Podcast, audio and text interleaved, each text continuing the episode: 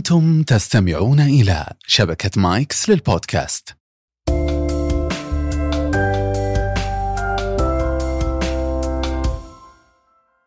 حياكم الله في هذه الحلقة من على بياض واللي تأتيكم برعاية بندر العقارية. اليوم قررنا نكمل كلام في الإعلام الرياضي ولكن من منظور مختلف. منظور أحمد الفهيد الصحفي الناقد الرياضي والكاتب والشاعر تكلمنا عن الحرية الصحفية والخطوط الحمراء في الطرح الإعلامي وعن دور هيئة الصحفيين السعوديين ومصادر الصحفي وعلى أي أساس يبني أن هذا المصدر موثوق. وعن أروع ما كتب أحمد الفيد الوصية الأخيرة يقرأها آخر العنقود. رحبوا معي بضيفي وضيفكم الأستاذ أحمد الفهيد في على بياض.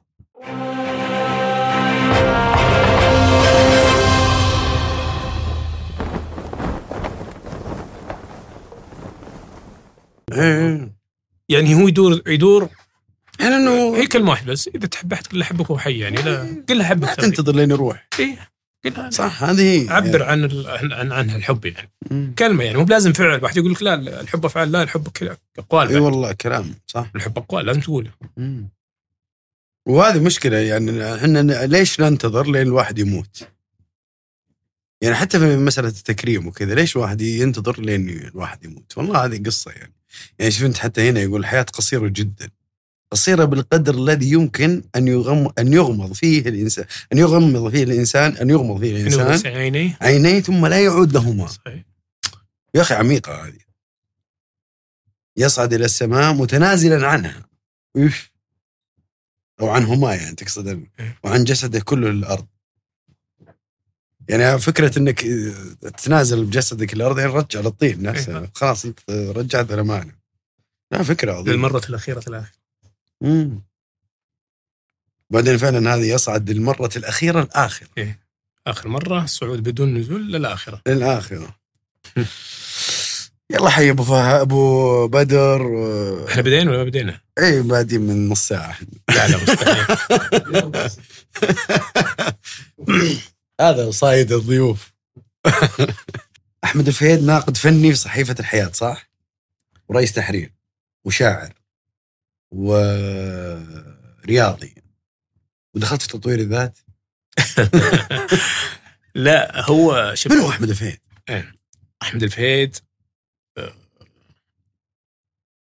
آه، إنسان يعني يعيش حياته بكل بساطة يحاول قدر الإمكان يعني ان يتخلص من كل من كل منغصات الحياة سواء كانوا أشخاص أو كانت أماكن. لأنه الحياة يعني لا تعاش إلا مرة واحدة. فليش اعيشها في في في في حرب وفي كابد وجهد يعني؟ فيها فيها ما يعني في في, في هذه الحياة آه، أشياء غصب تكابدها يعني. فليش أروح أروح أضيف أعباء أخرى علي؟ يعني الساعات المتاحة لي لنفسي. يا أخي من المهم جدا إني اعيشها بصفاء وبهدوء وبطمأنينة وباستقرار سعاده آه، عشان كذا أنا قاطع عهد على نفسي إنه آه، لن يمر يوم بدون أن أبتسم حتى في عز حزني. يعني يجب يجب ان أن أعود نفسي على ان الابتسامة جزء من من من مش من طقوسي جزء من طبيعتي. آه، ال- ال- ال- ال- الابتسامات البسيطة والصغيرة مع مرور الوقت تصبح آه، طبع تصبح عادة. تشكل حاجز عن الحزن إنه يخترقك يعني. إلا في إلا في المصائب وال- واللي ما نملك اللي ما نملك معها يعني. والله يعني لا يفجعنا لا في حبيب ولا في غالي. ويبعد عنا المصائب اجمعين يعني إحنا والسامعين. لكن أنا أتكلم عن المنغصات ال- ال- البسيطة المواقف السيئة المواقف النذلة ال- انعدام المروءة ال- أشياء كثيرة في الحياة. إذا بغيت إنها تكون يعني مزعجة لك حتكون مزعجة لك. إذا قررت إنك تتجاهلها ببساطة بتتجاهلها. إذا قررت إن تتعامل معها كعابر يمر عليها ينظر نظرة عابرة وي- وي- ويتولى في طريقه بتكون كذا. أنت وش تبي؟ تبغى تكون إنسان متصالح مع نفسك وحياتك تمشي بهدوء وببساطة وسلاسة وما فيها إلا يعني مرح وسعادة و... و... وما فيها ضغط أنت تستطيع أن تصنع ذلك لنفسك أنت تستطيع أن تصنع ذلك لنفسك شوف إحنا يمكن أحيانا لما سألتني في الجزء الأخير آه، طاقة صح؟ سألتني. تطوير الذات تطوير الذات. والطاقة. شوف يعني إحنا أنا من الناس اللي كنت أعتقد إنهم يقولون كلام خرابيط مع كل الاحترام طبعا. يعني متاخرا فهمت إنه لا. في شيء مرتبط ببرمجة عقلك وبرمجة نفسك وبرمجة روحك. يعني ال ال ال الإنسان وعاء لما يعني يتلقف كل شيء. فأنت وش بتحط في هالوعاء؟ هو بينعكس عليك. خذ تجربة طويلة في الصحافة. آخر وأهم وأبرز محطاتها صحيفه الحياة. لأسباب كثيرة طبعا. اولا آه، لأن دوري فيها كان شمولي آه، بدأت سكرتير تحرير آه، أو مسؤول تحرير ثم انتقلت أصبحت مدير تحرير. وبالتالي كان دوري فيها شمولي يعني متابعه والاطلاع والتعديل والتصحيح والحذف والإضافة على جميع الأخبار السياسية، الرياضية، الاقتصادية، الاجتماعية، المحلية، كله كله. كل هذه الأخبار بحكم إني أنا كنت آه، مشرف يعني أدير الصالات كلها بعد بعد رئيس التحرير الأستاذ جميل دياب. جميل دياب جميل دياب صحيح. وكانت طبعتين دولية و... و... وسعودية وبالتالي كان في ثراء. ثراء معرفي ثراء معلوماتي ثراء على مستوى الفهم في كل مجال. آه، زدت عليه آه، كنت مسؤول عن إجازة المقالات الكتاب. وكنت تتخيل كم كاتب في الحياة. وتنوع ال ال الأفكار المفردة. الأفكار وتنوع التوجهات والاتجاهات والتيارات. فكيف أنت يعني ستكون رقيب آه، مرن وحذر في نفس الوقت؟ آه، ما هو المسموح وغير المسموح. هذه هذه هذه يعني تمنحك خبرة خبرة يعني قيمتها مليارات ال- مليارات الريالات. حقيقة يعني. أحيانا تحتاج عمر طويل عشان عشان تكتسبها. ال- الحياة العظيمة هذه صحيفة الحياة اللي للأسف الشديد انها إنها توفيت. آه، توفيت توفيت ودفنت. آه، صحيفة عظيمة وكبيرة ومهمة على مستوى العالم. دفنت ببساطة يعني. اختصرت لي هذا هذا الثراء هذا ال- التجربة العظيمة. على على على مستوى فهم فهم فهم التوجهات وفهم الآراء وفهم الناس وفهم الأفكار والتعامل معها. آه، فهم الرقيب الأمني والرقيب السياسي والرقيب الحكومي آه، ما تتطلبه المرحلة آه، يعني أن ينشر وما ترفض المرحلة إلا ان ان أن ينشر. كل هذا صنعت لي الح- الحياة الصحيفة. طبعا آه، آه، صاحب الفضل بعد الله سبحانه وتعالى في ذلك كله جميل الدياب رئيس تحريرها في ذلك الوقت رئيس التحرير المساعد ليه؟ لأنه هذا الرجل آه، يعني يطلق يديك يمنحك الثقة خصوصا إذا آمن بك والحمد لله أنه آمن بي يعني. يعني أحمد فهيد شخص حساس جدا واضح. يعني حتى من في كلامك وفي مفردتك اللي تكتبها. يمكن لأني شاعر. ها؟ يمكن لأني أكتب الشعر. أيوه وشاعر نفس الشيء. أول أول عندي سؤالين. أول طيب هذا ال- الإنسان الراقي الحساس مو بتقليل في احد بس يعني ليش راح المجال الرياضي؟ اللي فيه؟ ما ما رحت أنا بديت منه. بس خلي برجع حقين الطاقة. أنت بديت كلاعب إيه فيه. لا بديت منه حتى صحافة خلي برجع حقين الطاقة لأنه هو هم دخل اي أنا جايك حتى على فلما ف- فأنا قبل. الحياة مم. مررت ب بتجربة أي- يعني آه، أيقظتني بصراحة. مهم. أنا كنت أعمل في الرياضية صحيفه الرياضية. عملت فيها ثمان سنوات. يعني آه، فأنا بد... أنا أول شيء خريج تربية بدنية. تربية رياضية. فأنا رياضي. أنا لاعب كرة قدم. وطلبت من أندية كثيرة ترى ذكر الهلال الشباب الوالد الله يرحمه يسكن النجم. الجنه هو اللي نعم مؤسس آه، والدي هو الذي أسس نادي كوميت نادي مع كوميت. مجموعة من. رجالات مرات محافظه مرات. وأقول لك في فترة من فترات طلبت من الهلال ثلاث مرات. طلبت من نادي الشباب طلبت من الاتحاد طلبت من النجمة وطلبت من الفيصلي خمس أندية. وكنت ألعب في منتصف الملعب يعني صانع لعب واحيانا ألعب آه، محور متأخر محور مدافع. فأنا رياضي. لما عملت في الصحافة وأنا عملت فيها بمحض الصدفة آه، ما كان مرتب الموضوع يعني عملت في الصحفي في صحيفة الرياضيه عملت ثمان سنوات. فأنا وين ما جبتني آه، بدأت من الرياض من الرياضة وانتهيت إليها يعني.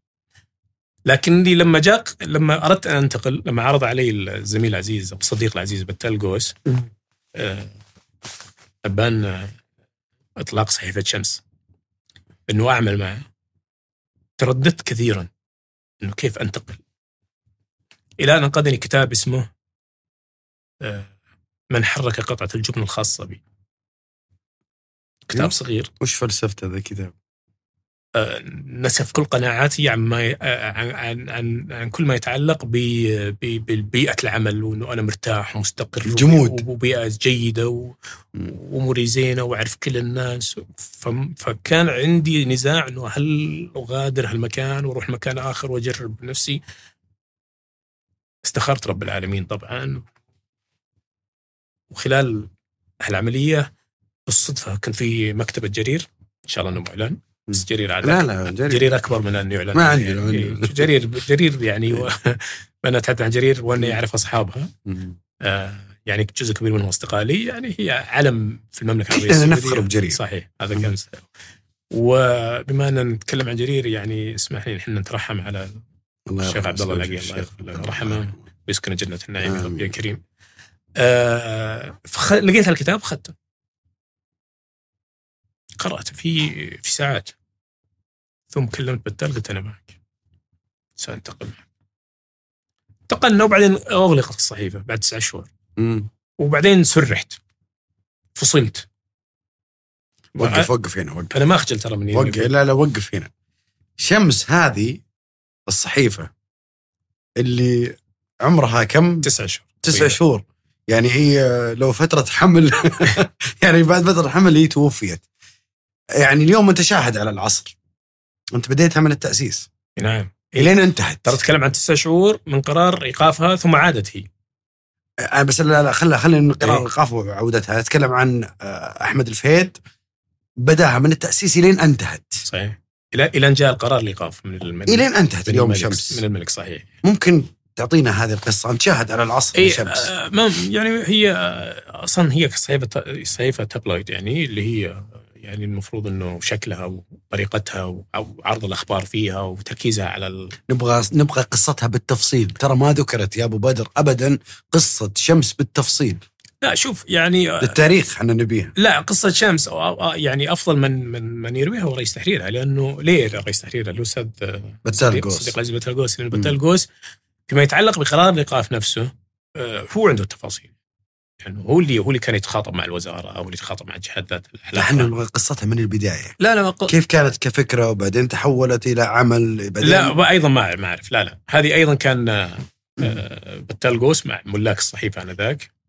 آه، أنا أنا استقطبت قبل انطلاقتها يمكن بشهرين أو شهر. لاني فعلا ما- ماني مطلع على على طريقة تجهيزها. لكنها بدأت بداية قوية إلى أن يعني صار نشر إعادة نشر الرسوم ال- ال- المسيئه للرسول صلى الله عليه وسلم. وبعدين حدث حدث حدث الايقاف في ذلك تفاصيل كثيرة يعني. آه المهم إنه أنا فصلت. يعني ال- سرحت. يبدو إني صنفت من الحرس القديم. آه كنت مسؤول تحرير الشؤون الرياضية. في الصحيفه في تلك اللحظة هو هي أول شيء آه، أوقف أستاذ بتال صح؟ صحيح وقفت الصحيفة وقفت صحيفة بعدين رجعت ثاني مرة اي بس إحنا في من لما رجعت رجعت نفس الملاك و من نفسه لكن- تغير تغير رئيس تحرير رئيس جاء, تحرير. جاء خلف الحربي اولا وبعدين جاء الأستاذ خالد دراج مم. تاليا يعني ثم اغلقت يعني أعتقد انها قاعدة أنت سرحت أربعة. فصلت في أي ر... بعد بعد إيقاف بتال يعني في في الشهر أنت مع خلف الحربي ولا مع خالد لا دراج؟ مع خلف الحربي خلف الحربي هو اللي نعم صحيح مم. و هو اللي فصلك خلف الحربي. صحيح. مم. فصلت. فصلت من شمس خلف الحربي ظلما. ظلما. لكن مم. الله يسامح الجميع. الله يسامح ويحلل ويبيع. وسعيد جدا. أنا. بالعكس أنا أنا أعتبرني مدين بالفضل خلف الحربي إنه فصلني. لأنه كان لو كنت في يعني لم يحدث معي هذا القرار في تلك في تلك المرحلة يمكن ما أكون أنا موجود معك الآن واسولف السالفه. ليه حصل التغير. في في في في مرحلتي تلك؟ لأني أنا توقعت قبل ما نروح ليش تغير ليش فصلت؟ عطهم تفاصيل فصلك ما أبغى يا فيصل والله يعني أول شيء لأنه ما تهم الناس أنا كيف وصلت هذا رقم واحد ثانيا لأنه موضوع انتهى ما أبغى أرجع له ما أبغى أشغل نفسي. بتفاصيل راحت انتهت وأنا قلت لك بس إنه- هل الفصل شخصي ولا مهني؟ ما أدري لا لا مهني لا لأن الصحيفه كانت متوقفة. ما كنا نعمل كنا نعمل داخلي من دون نشر يعني عمليات النشر اليومي مستمرة لك من دون. طباعة ومن دون آه، توزيع تعرف زي اللي يستعدون مم. آه، يسوون حلقات بايلوت وموبايلوت ومدري إيش. فاحنا نسوي الأعداد كأنها تنشط تطبع لكنها لا تطبع ولا توزع. لكن في عمل يومي. أه وما شلت. ما حقدت على خالد الحربي. أبداً ولا زعلت منه. زعلت وقتها بس ثم لأني أنا قررت إنه أنا ما يعني لا أحمل في قلبي غلا على أحد فأنا لا أحمل عليه مثقال ذرة من كره ولا ولا ولا حقد ولا حسد ولا بالعكس. هو كل الذين كانوا معي في تلك المرحلة. مم. جميعهم. ما بالعكس كل خير. وأتمنى لهم الله التوفيق والنجاح وال- وال- والعزة والرفعة وكل ما يتمنونه لكن أنا أقول لك التغير إيش؟ لما لما فصلت وسرحت من شامس توقعت إنه أنا سأطلب. فجلست أسبوعين في البيت ما حد سأل عني. كنت بوظيفة وراتب و راتب زين مرة ذيك الوقت. ومزايا طبعا راتب. زين ومزايا. انتقلت لصحيفة بعد تسع شهور أنا جالس في بيتي. رجل متزوج وعنده أسرة. المهم قصة فيها تفاصيل طويلة فاضطريت إني أروح لدبي وأعمل في دبي ست- ستة أشهر وبعدين رجعت للسعودية وعملت في وظيفة تقريبا براتبي السابق في الرياضية. وظيفة ما تشبهني. وبعدين جاني العرض من صحيفة الحياة. لما جيت الحياة كنت قررت في تلك اللحظة أنه لا طاقة سلبية في حياتي، رجعنا الموضوع مم. الطاقة وال يسمونها وين؟ تطوير الذات تطوير الذات. لا طاقة سلبية، كل شيء سيكون إيجابي. كل نافذة تدخل الطاقة السلبية ستغلق. كل نافذة ستدخل طاقة سلبية ستغلق، لو إن شاء الله فتحة مش نافذة لو فتحة صغيرة تغلق. اكتشفت إنه إنه فعلا شيء عظيم. كان جزء من وقتك وحياتك وتفكيرك وذهنك وروحك يذهب في اتجاه سلبي. في مصارعة ما لها أي معنى. في عراك غبي يعطلك يعطلك يعني أنا ما أقول إنه أنت يا- لا خلك خلك خلوق خلك آه، هادي حليل. لا لا لا لا لا ادخل في صراعات. لكن تجاوزها في اللحظة لا تعبي. عشان كذا أنا أقول الحين آه، اللي يعملون في وظائف. مم. أقول له إذا طلعت من الوظيفة خل الوظيفة في في في المكتب. لا تأخذها معك. تاخذ معك البيت. البيت استراحة الشارع تليفونك تسولف قال قلت أعطوني شالوا مني. ليه؟ ليه؟ باقي في حياة عيشها يا. وهذا الحين نغمة صايره الحين ترند جديد إنه hard worker ولازم يصير لازم تصير تشتغل ولا اشتغل اشتغل اشتغل في العمل. أتكلم عن ما يحيط بالعمل القصص اللي في العمل. لا لا الناس تشتغل حتى برا 13 و14 و15 اشتغل 16. اشتغل. بس أنا أتكلم لما لما لما تتفرغ لحياتك عيش حياتك. عيشها يعني تخيل إنه أنا أروح أداوم ثمان ساعات. وأنام ثمان ساعات وباقي الساعات أسولف فيها العمل. هذا هذا قتل. قتل ذبح اي يعني انت أنت مفهومك إنه خلاص وقفت عمل أنت ما تشتغل مو ما أنت مو ما أنت مو قاعد تمارس إيه العمل ليش؟ أسولف فيه؟ لا تسولف ليش ليش أقول إيه. فيصل قال لي فيصل حطوا عينوا فلان شالوا مم. فلان آه، آه، أرسلوا خطاب وش قال لك فلان مم. أنا بطلع عطوا فلان اي ليه؟ مم. ليه يعني ليه تنقل مشاكل العمل وال- والخلافات اللي في العمل والصراعات اللي اللي- في العمل والمواقف اللي في العمل مم. معك في البيت وفي الاستراحة وفي وانت ما وانت في سيارتك تتكلم بس تسولف على العمل خلاص قفل خله خصوصا لما ما يكون بزنسك الخاص مم. انت تشتغل أجير يعني في النهاية راتبك اخر الشهر واطلب منك تؤدي عملك آه، بأمانة اللي اللي يعني آه، اللي اللي بي- بيسألك الله سبحانه وتعالى عنه. أديت عملك بأمانة خلاص ما مطلوب منك زيادة. أنا أقصد ليه دائما تربط نفسك في موقع عملك؟ هذا طاقة سلبية خصوصا لما تكون مشاكل. طاقة سلبية طاقة سلبية، طاقة سلبية إيش تسوي تمسكك. أنا كنت ما أؤمن كنت يعني ما أبغى أقول مصطلح مش كويس يعني بس آه، كنت أحس إنه مواضيع يعني اللي يتكلمون عنها حقين الطاقة و- والإيجابيين هذول إنه يعني ضربوا من خيال لما جربتها لا اكتشفت إنه فعلا يعني ما اللي تقوله ال- ال- اللي تقذفه في في روحك. ينعكس عليه قولا و- وفعلا و- وحتى في حتى يعني حتى في ملامحك. أنا في مصطلح عندي دائما أستخدمه. يبدو إنه هي بعد تجربتك مع جريده مع صحيفة شمس آه، ينطبق عليك. أنا عندي شيء اسمه أسميه كف الرحمة. لازم يجيك أحيانا كف من الله بس هو رحمة. صحيح. خليك تلتفت للجهة صحيح. يبدو انه أنت قناعاتك تغيرت تماما بعد شمس. ما في شك. ما في شك. يعني أحمد فهيد آه، قبل شمس غير أحمد فهيد طبعا ولذلك. أنا قلت يعني مم. سبحان الله والله رزق يعني رزقني بيئة جيدة لصيفة الحياة مم. ورزقني رئيس تحرير عظيم زي جميل الذئابي و كانت فرصة عظيمة إني أنا أنتقل بمهنيتي لمستوى أعلى كصحافي مم. وجلست في الحياة تقريبا ست سنوات كانت من أعظم مراحل مراحل حياتي لأن استقلت طبعا والاستقالة لها سبب يعني وفي الحياة آه، تقهوى تقهوى. في- وفي الحياة آه، هناك آه، بدأت تربي الهدهد. صحيح. صحيح. هناك هناك ولد الهدهد وهناك دفن. طبعا الهدهد مما قاله لي الهدهد. شوف الحياة مدرسة صحفية صارمة. هدهد كان مشروع كبير بس اختفى. صحيح. الحياة مدرسة صحفية صارمة. على الأقل أنا تعلمت فيها هذا الصرامة. ما يتعلق بال بال يعني بالمهنة نفسها. اليوم لما يكون عندك أنت خبر حصري خبر مسرب لك بطريقة أو بأخرى.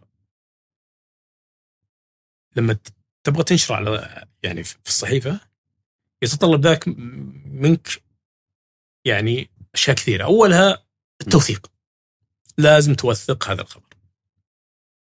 يعني عشان تنسبه لأحد. معلوم أو مجهول يعني معلومه أتكلم يعني اقصد باسمه أو آه، بمنصبه أو إلى مصدر مسؤول ولا مصدر مطلع ولا مصدر مقرب من الشأن الفلاني ولا من البيت الفلاني لازم يكون هذا موثق. فهذه صعبة جدا في في في يعني في بعض الأخبار تكون صعبة جدا أثباتها. هذا رقم واحد. وإذا اثبته أو وثقته عليك إذا كان هذا الخبر يتحدث عن أطراف أخرى عليك أن تتحدث مع الأطراف الأخرى لتبيان وجهة نظرهم أو الحصول على تعليقات منهم على الخبر في نفس اللحظة. يعني الصحيفه بكره لما تنشر لازم تنشر الخبر مع تعليقات الذين مرتبطين بالخبر. مهنية. نادي، رئيس نادي، وزير، وزارة، رئيس هيئة، هيئة، ايا كان حتى لو مواطن عادي. حتى لو رجل أعمال، ما دام ورد اسمه أو اسم شركته أو اسم الجهة التي يعمل فيها في الت... في في في تقريرك أو في خبرك من حقه مهنيا أن يعلق. من حق عليك أن تبحث عنه، إذا تجاوب تنشر تجاوب، إذا ما تجاوب تذكر أنه حاولنا التواصل معه، حاولنا الاتصال به، أرسلنا له رسائل ولم يرد، رفض الاستجابة، رفض التعليق اللي هو هذا مهنيا مهنيه. مم. هذا هذه فهذه ما حتصير في الحياة يعني لما أجيب خبر من الهدهد. جايبه أنا والله من لاعب ولا من رئيس نادي ولا حيقول لك طيب من وين جبته؟ وإذا أنكر إيش يثبت؟ معك رسالة منه معك تسجيل صوتي معك. طيب أوكي. أنت جبت خبر مثلا عن سحر النصر اللي كان هو الأشهر. كلم نادي النصر. جيب الم- المشايخ اللي قروا. كلمهم جيب منهم تعليقات. وحياخذ وقت طويل حيروح الخبر. فأنا في لحظتها قررت إني أنا يعني أصيغ عبارة مما قاله لي الهدهد في حسابي في تويتر اللي ما عليه ما تطبق عليه كل اعراف المهنة أصلا إنه حساب شخصي اقتضينا فوق بعض ثم الخبر. فلهذا السبب انطلق. خصوصا إنه أنا ما كنت أعمل في الصحافة الرياضية وقتها أنا كنت مدير التحرير. امم الصحيفة بالتالي عندي رياضة وفن وثقافة واقتصاد وسياسة وشعر و إلى آخره.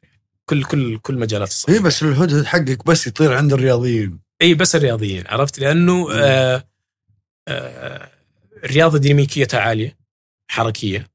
الأخبار فيها يعني تجدد لا, لا. تتطلب حذرا شديدا. كيف؟ إي ما يعني مي زي الخبر السياسي مثلا. آه. مي زي الخبر الاقتصادي آه، الخبر السياسي آه، يعني ممكن يدخل في إشكاليات كبيرة آه، خصوصا لما يكون يعني ناقص أو دقت لك عليها. مم. الخبر الاقتصادي ممكن أن يضر بمصالح.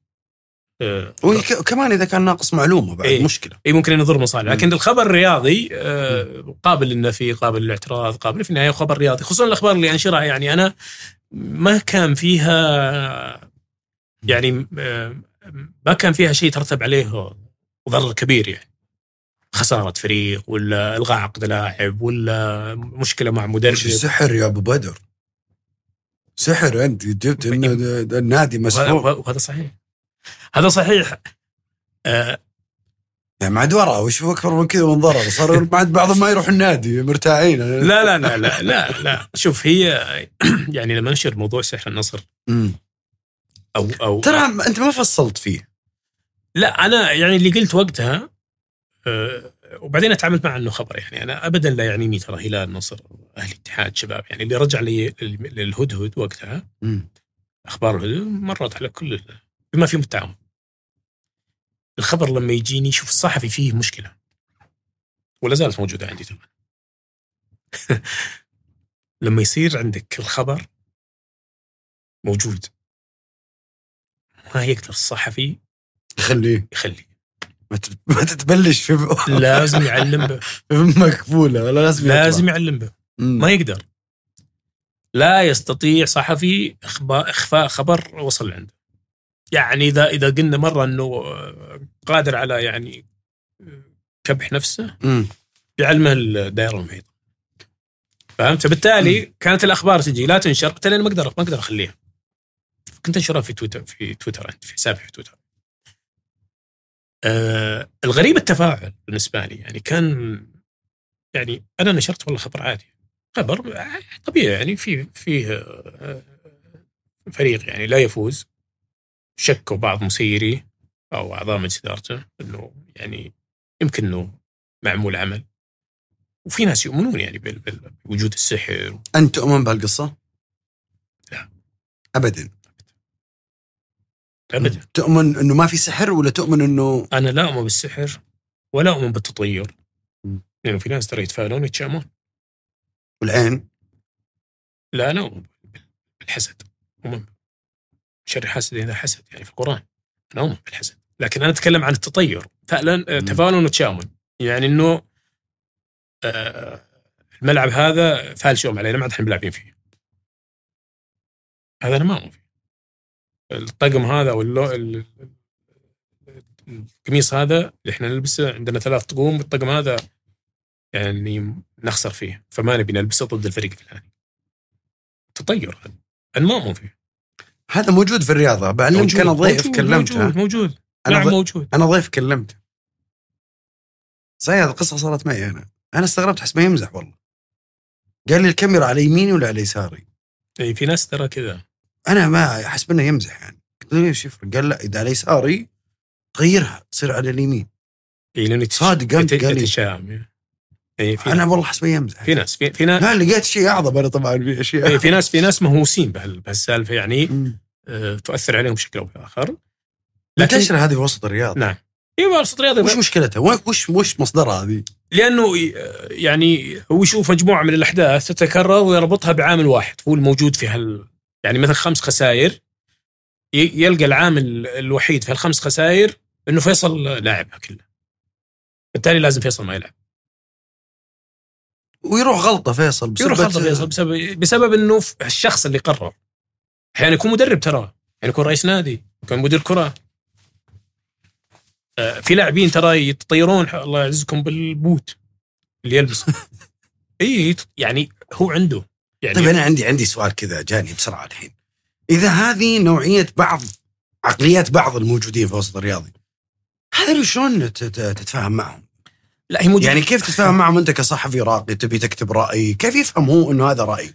كيف يفهم هذا إنه هذا مقال صحفي؟ لا بس هذا آه، فيصل هذا موجود في الوسط الرياضي وغير الوسط الرياضي كل المجالات في السياسة في الاقتصاد في يعني حتى في الاقتصاد أحيانا يعني يمكن واحد ما يشتري مثلا مثلا سهم زين في البورصة ولا في مكان مم. إذا مر في يومه مثلا م- مطر في ناس تقول لك ذاك اليوم اللي نزل فيه مطر أتشائم به اذا ما راح يشتري عندنا ذولي هنا موجودين مجتمعاتنا في العالم كله هي العالم كله إيه موجودين موجودين مو- موجودين كل واحد عنده معتقد. موجود موجودين إحنا لا موجودين ف نرجع على ال على ال مم. ال- موضوع بعد السحر انت تقول. تؤمن تؤمن فيه لا ما مم. ما أؤمن بأنه في نادي يس- يسحر يعني عرفت؟ آه لكن حصل يعني. و- وإدارة النصر وقتها مم. اللي كان يرأسها ال- اسمه الأمير فيصل بن تركي واحد من أعز اصدقائي ترى.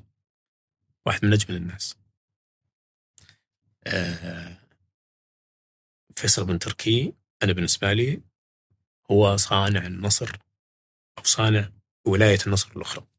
لا تستعجل علينا جايينك في الامير إيه. فيصل بس ما. انه ما اني ذكرت اسمه يعني حق. علي اني إني أقول هالكلام آه ليس والله لأنه صديق يمكن أنا والأمير فيصل بن تركي يمكن أنا انتقدت انتقاد حاد وشديد بس إنه آه، يعني رجل, رجل شهم مروءة عظيمة يعني رجل عنده مروءة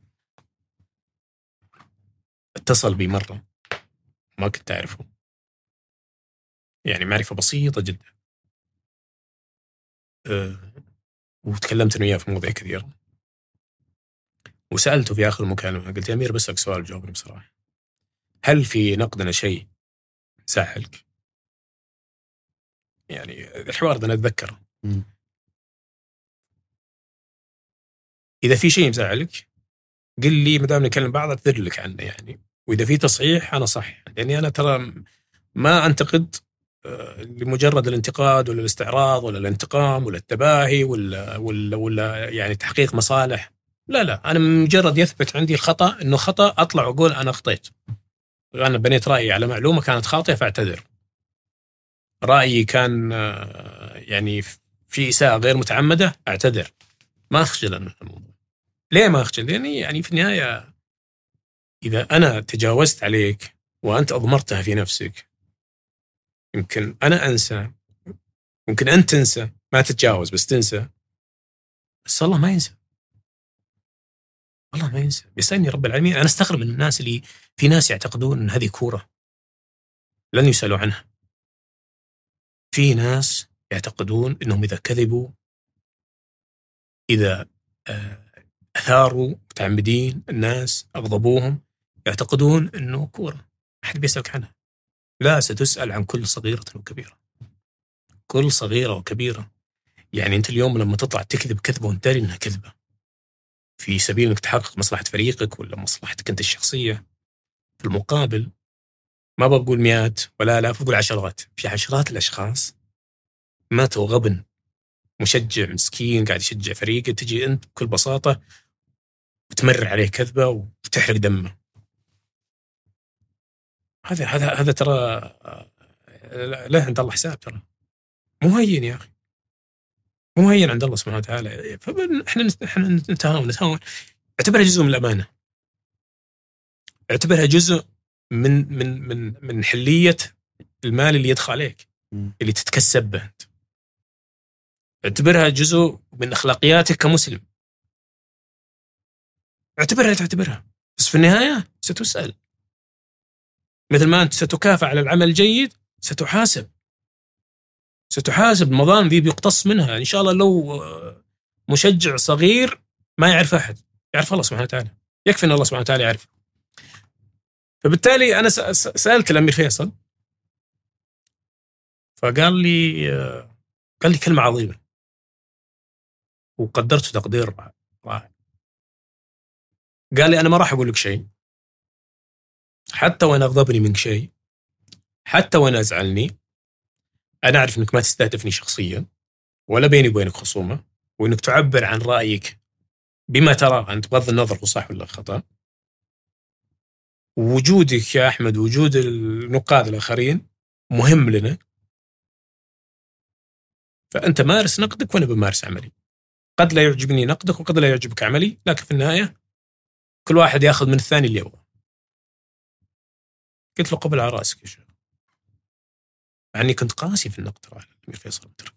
كنت قاسي يعني مو قاسي لأنه فيصل فيصل بن تركي لا لأنه هو جاء في مرحلة يعني كان هو آه، آه، مالي الدنيا وشغل الناس يعني. بتصريحات بتصرفات بقرارات كل شيء. لكنه في النهاية صنع النصر. لولا الله ثم فيصل بن تركي لم يكن موجود النصر الآن اللي فيه كريستيانو آه، واحد من أعظم اللاعبين. بالنسبة لي أعظم لاعب كريستيانو رونالدو. لا تقول إيش جاب الجاب لا. النصر ظل حيا يتنفس وبطلا لأن فيصل بن تركي صنعه. صنعه من جديد. استغرق وقت طويل اخذ أربع سنوات لم يحقق فيها شيء لكنه بعد ذلك حقق حقق بطولات الدوري وبطولات ال- الكأس وما أدري إيش بعد حقق ظهر كأس الملك فيصل كأس الأمير فيصل. ففيصل بن تركي رمز. كما هو عبد الرحمن سعود صاحب اسمه الملك الأمير عبد الرحمن سعود رحمة الله عليه رمز. فيصل بن تركي هو رمز النصر. الحديث. الحديث. ما في كلام. وحين أطلق عليه لقب كحلان هو فعلا كحلان. ف تعلم إدارة النصر اللي كان وقتها فيصل بن تركي الأمير فيصل بن تركي موضوع السحر. ويعني فربما ان هناك من قال لهم إنه النادي يعني مستحيل. شوفوا جابوا مشايخ. وقرأوا المشايخ على النادي في زوايا. وقيل لهم إنه في سحر مدفون. النادي بعدين تغيرت ارضيه الملعب والقصص هذه. بعد القراية أخذ النصب بطوله. وترى أخذها لأنه لأنه كتبت له. بطولتين مو بطولة أو ثلاث بس في النهاية ما لها علاقة. أنا بالنسبة لي ما لها علاقة بالسحر يعني. لها, لها علاقة بأنه توفقوا يعني. توفقوا ولها علاقه لأنه الأمير في الأمير فيصل بن تركي استفاد من تجربته ويتعلم سنة ورا سنة. إلى أن صنع نصر قوي فاز بطولتين ورا بعض يعني دوريين بطولتين دوري. ما لها علاقة يعني حدث السحر عرضي. على الأقل من وجهة نظري يعني. كله منك أنت اللي ما, كان أحد داري ذا السحر ولا عن القراية لين علمت أنت. طيب أبو بدر آه، ال- الحرية الصحفية وش حدودها؟ شوف يعني وفق وفق للمهنة اللي أنا طبعا هذه أنت قبل شوي أنت قلت إن الصحفي لما يصير في في ذا لازم يعلم. إيه. امم يعني وفق وفق ال- المهنة اللي أنا أعرفها إنه يكون عندك مصدر آه، إنه يعني انه يكون عندك مصدر يكون عندك معلومة حقيقية متأكد منها أنت. حريتك في نشرها أو عدم نشرها يعتمد على تقديرك للضرر الناتج منها امم ضرر وطني ضرر أمني ضرر اقتصادي ضرر شخصي الشخص اللي بتنشره. يعني بصراحة مثلا شوف أنا بقول لك شغلة يعني ب... الآن في سلوك شائع مثلا في في تويتر في الغالب في تويتر. يصير في حوادث. حوادث سيارات حوادث طائرات حوادث حوا- حوادث دراجات نارية. ويتوفى فيها أشخاص. أشخاص هم أبناء عائلات أو أرباب أسر. فقدوا ابنهم وفقدوا والدهم وفقدوا أمهم في في في حادث سير ايا كان الحادث يعني. فاجعه فقده حزن فراقه الألم اللي يعتصرهم. ثم يأتي واحد في في منصات التواصل الاجتماعي وينشر الحادث. يعني يوري أهل أهل المتوفى كيف مات. يا أخي هذه ما فيها مسؤولية. ولا إنسانية. ولا إنسانية ولا أي شيء. تقدير الوضع تقدير ال- ال- ال- أبعادها. ال- إيه المترتب عليه على نشرها ما اللي بيتضرر حجم الضرر. مم. هنا يدخل فيها الخبرة تجربة الرقيب عندك في أي درجة هو موجود آه، فهمك لطبيعة الأمور ولمعطيات الأمور و و إلى آخره. فأنت تقرر وش حريتك. أنت تقرر حريتك. لما تتجاوز أنت يعني أنت تصير عندك حرية فالتة في ما في هناك جهات تحدد حريتك. في جهات تحدد حريتك. جهات أمنية. أو جهات رقابية تردعك. اذا صرت انت شخص غير مسؤول. عشان كذا أنا دائم مع الوعي مع نشر الوعي. يعني فكرة نشر الوعي في واحد يقول لك أنا ما دريت لا. في رسائل توعوية دائما توصل توصل على الواتساب توصل في مواقع التواصل الاجتماعي بكل أشكالها و... و... و... و... ومحتوياتها. لازم يكون عندك وعي لازم تعرف إنه هذا بلد بلد, بلد قانون. عشان كذا قبل ما تنشر أي شيء تأكد واسأل. مو بتنشر ثم تقول أنقذوني.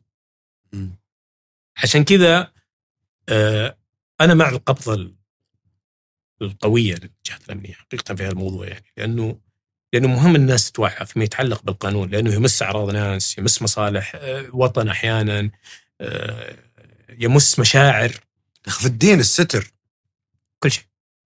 كل شيء. بالتالي. أنا مع آه، سن هالقوانين أنا مع الأخذ بالقوة فيها خصوصا في مرحلة التأسيس والتأكيد على إنه إنه إنه في ضابط. في ضابط أخلاقي موجود عندك. إذا مو هو موجود في ضابط نظامي. إذا أنت فقدت الضابط الأخلاقي والضابط الإنساني والضابط الشخصي و إلى اخره كل الضوابط المتعلقة فيك لا في قانون تعال يردعك. وفي شيء آه، يا أخي ألف باء يعني أبسط شيء حط نفسك في هالموقف. تقبله ولا ما تقبله؟ ألف باء هذا مش لا المش... مم. المشكلة مش فيني وفيك يا فيصل. مم. يعني أنا وأنت كب- كبار بما يكفي لنفهم. أو لنستوعب المشكلة في الصغار. اللي ما يفهمون ولا يستوعبون. طيب هذول إيش نسوي فيهم؟ هذه مسؤولية اهله. ولدك أخوك أنت أكبر منه مراهق هو ولا في في في في بداية المراهقه علمه فهمه خوفه وبخه أنبه. أدبه إيه أدبه. اللي يسويه غلط. يعني اليوم أنا أحرمك من شيء وأمنعك من شيء وأسحب الجوال منك أحسن منك تنسجن صح. أنا مرة كتبت مقالة عن قصة في في في مقال رياض يعني. لصديق يعني. الصديق هذا قرأ تغريدة. كتب تغريدة فرد عليه واحد شتم أمه. أوف. إيه. قالوا كذا يعني الله يلعن أمك يلعن فصديقي ابوه متوفي وامه كبيرة في العمر. فالرغم الهدوء اللي هو فيه يعني لم يستطع أن يتجاوزه. أكلت معه. كيف تلعن؟ ميت. م. فتقدم ببلاغ للشرطة.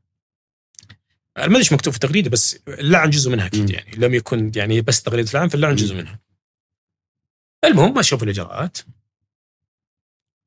فال ال- ال- ال- في جزء جزء- يعني جزء من مراحل ال ال الإجراء الأمني إنه يحاولون يصلحون بين الطرفين إن ما صلحوا ينتقلون إلى المرحلة اللي بعدها أعتقد إنها تروح للنيابة العامة. يقول صدمت لما دخلت ال- الشرطة إن صاحب الحساب طفل عمره 11 أو 12 سنة ما أتذكر بالضبط وابوه معه ف صالحوا تصالحون قال صالح ظهر طلب 50000 ريال 50 أو 30000 ريال ما أتذكر والله. أتذكر إني كتبت في المقال فقال آه، قلت له أنا ليش؟ يعني وش ذنب الأب؟ أنا اسال يعني ليش أنت أصريت؟ يعني شفت أبوه وشفت الطفل كم مشيته؟ قال له أبوي إذا دفع المبلغ هالمرة مم. متأدب المرات الجاية كلها. لا حيضطر يراقب أبنائه. مم. في جوالاتهم حيضطر يوعي أبنائه حيضطر يعلمهم على الصح والخطأ. مو معقول إنه بس معطيهم جوالات صغار وشتموا خلق الله بدون رقابة وبدون وعي ولا يعرف حتى حساباتهم ولا يعرف أي شيء. عشان كذا نقول لك في مسؤولية تقع على على العائل. على عاتق الوالدين اول العائل ايا يكن. العائل أحسنت. إيه. العائل اللي هو سواء الوالدين أو الأخ الكبير كل واحد في اللي في اللي تحته يعني. على المتعلم. يعلم الجاهل على الكبير يعلم الصغير. هذه مسؤولياته اللي هي التوعية بالنظام بالقانون بالتخويف بالترهيب بالتأنيب بالعقوق بالتأديب سمها اللي تسميها. في النهاية أنا يعني أنت الآن في مرحلة ما قبل البلاغ. واحيانا توصل لمرحلة البلاغ. أنا بحميك من مرحلة السجن. السجن. والدو والد- والد- والدولة في جهاتها الأمنية ترى ما تبغى تسجن أحد بس في النهاية قاعدة تعرف حقوق الناس.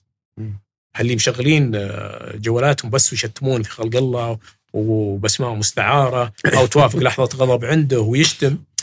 يعني شيء عجيب مو شرط أنت بتلقى كل الأشخاص متسامحين حتمر في ناس غير متسامحين مثل صاحبي هذا اللي زعل على أبوه. واحد ميت تلعنه ليش يقول حتمر بشخص مؤدب يعني. حتدفع مبلغ حتتوقف حتنسجن حتمنع من الظهور في وسائل وسائل التواصل. روعتها لو ما يجيك إلا روعتها. بالضبط. مضطر. أصلاً يعني أنت ليش تروح لمراكز جهات أمنية مم. على موضوع تقدر تتفادى بالضبط تقدر تتفادى وانت ملزوم فيه طيب هذا هذا الحرية بشكل عام الصحفي نفسه صحفي وش سقف الحرية عنده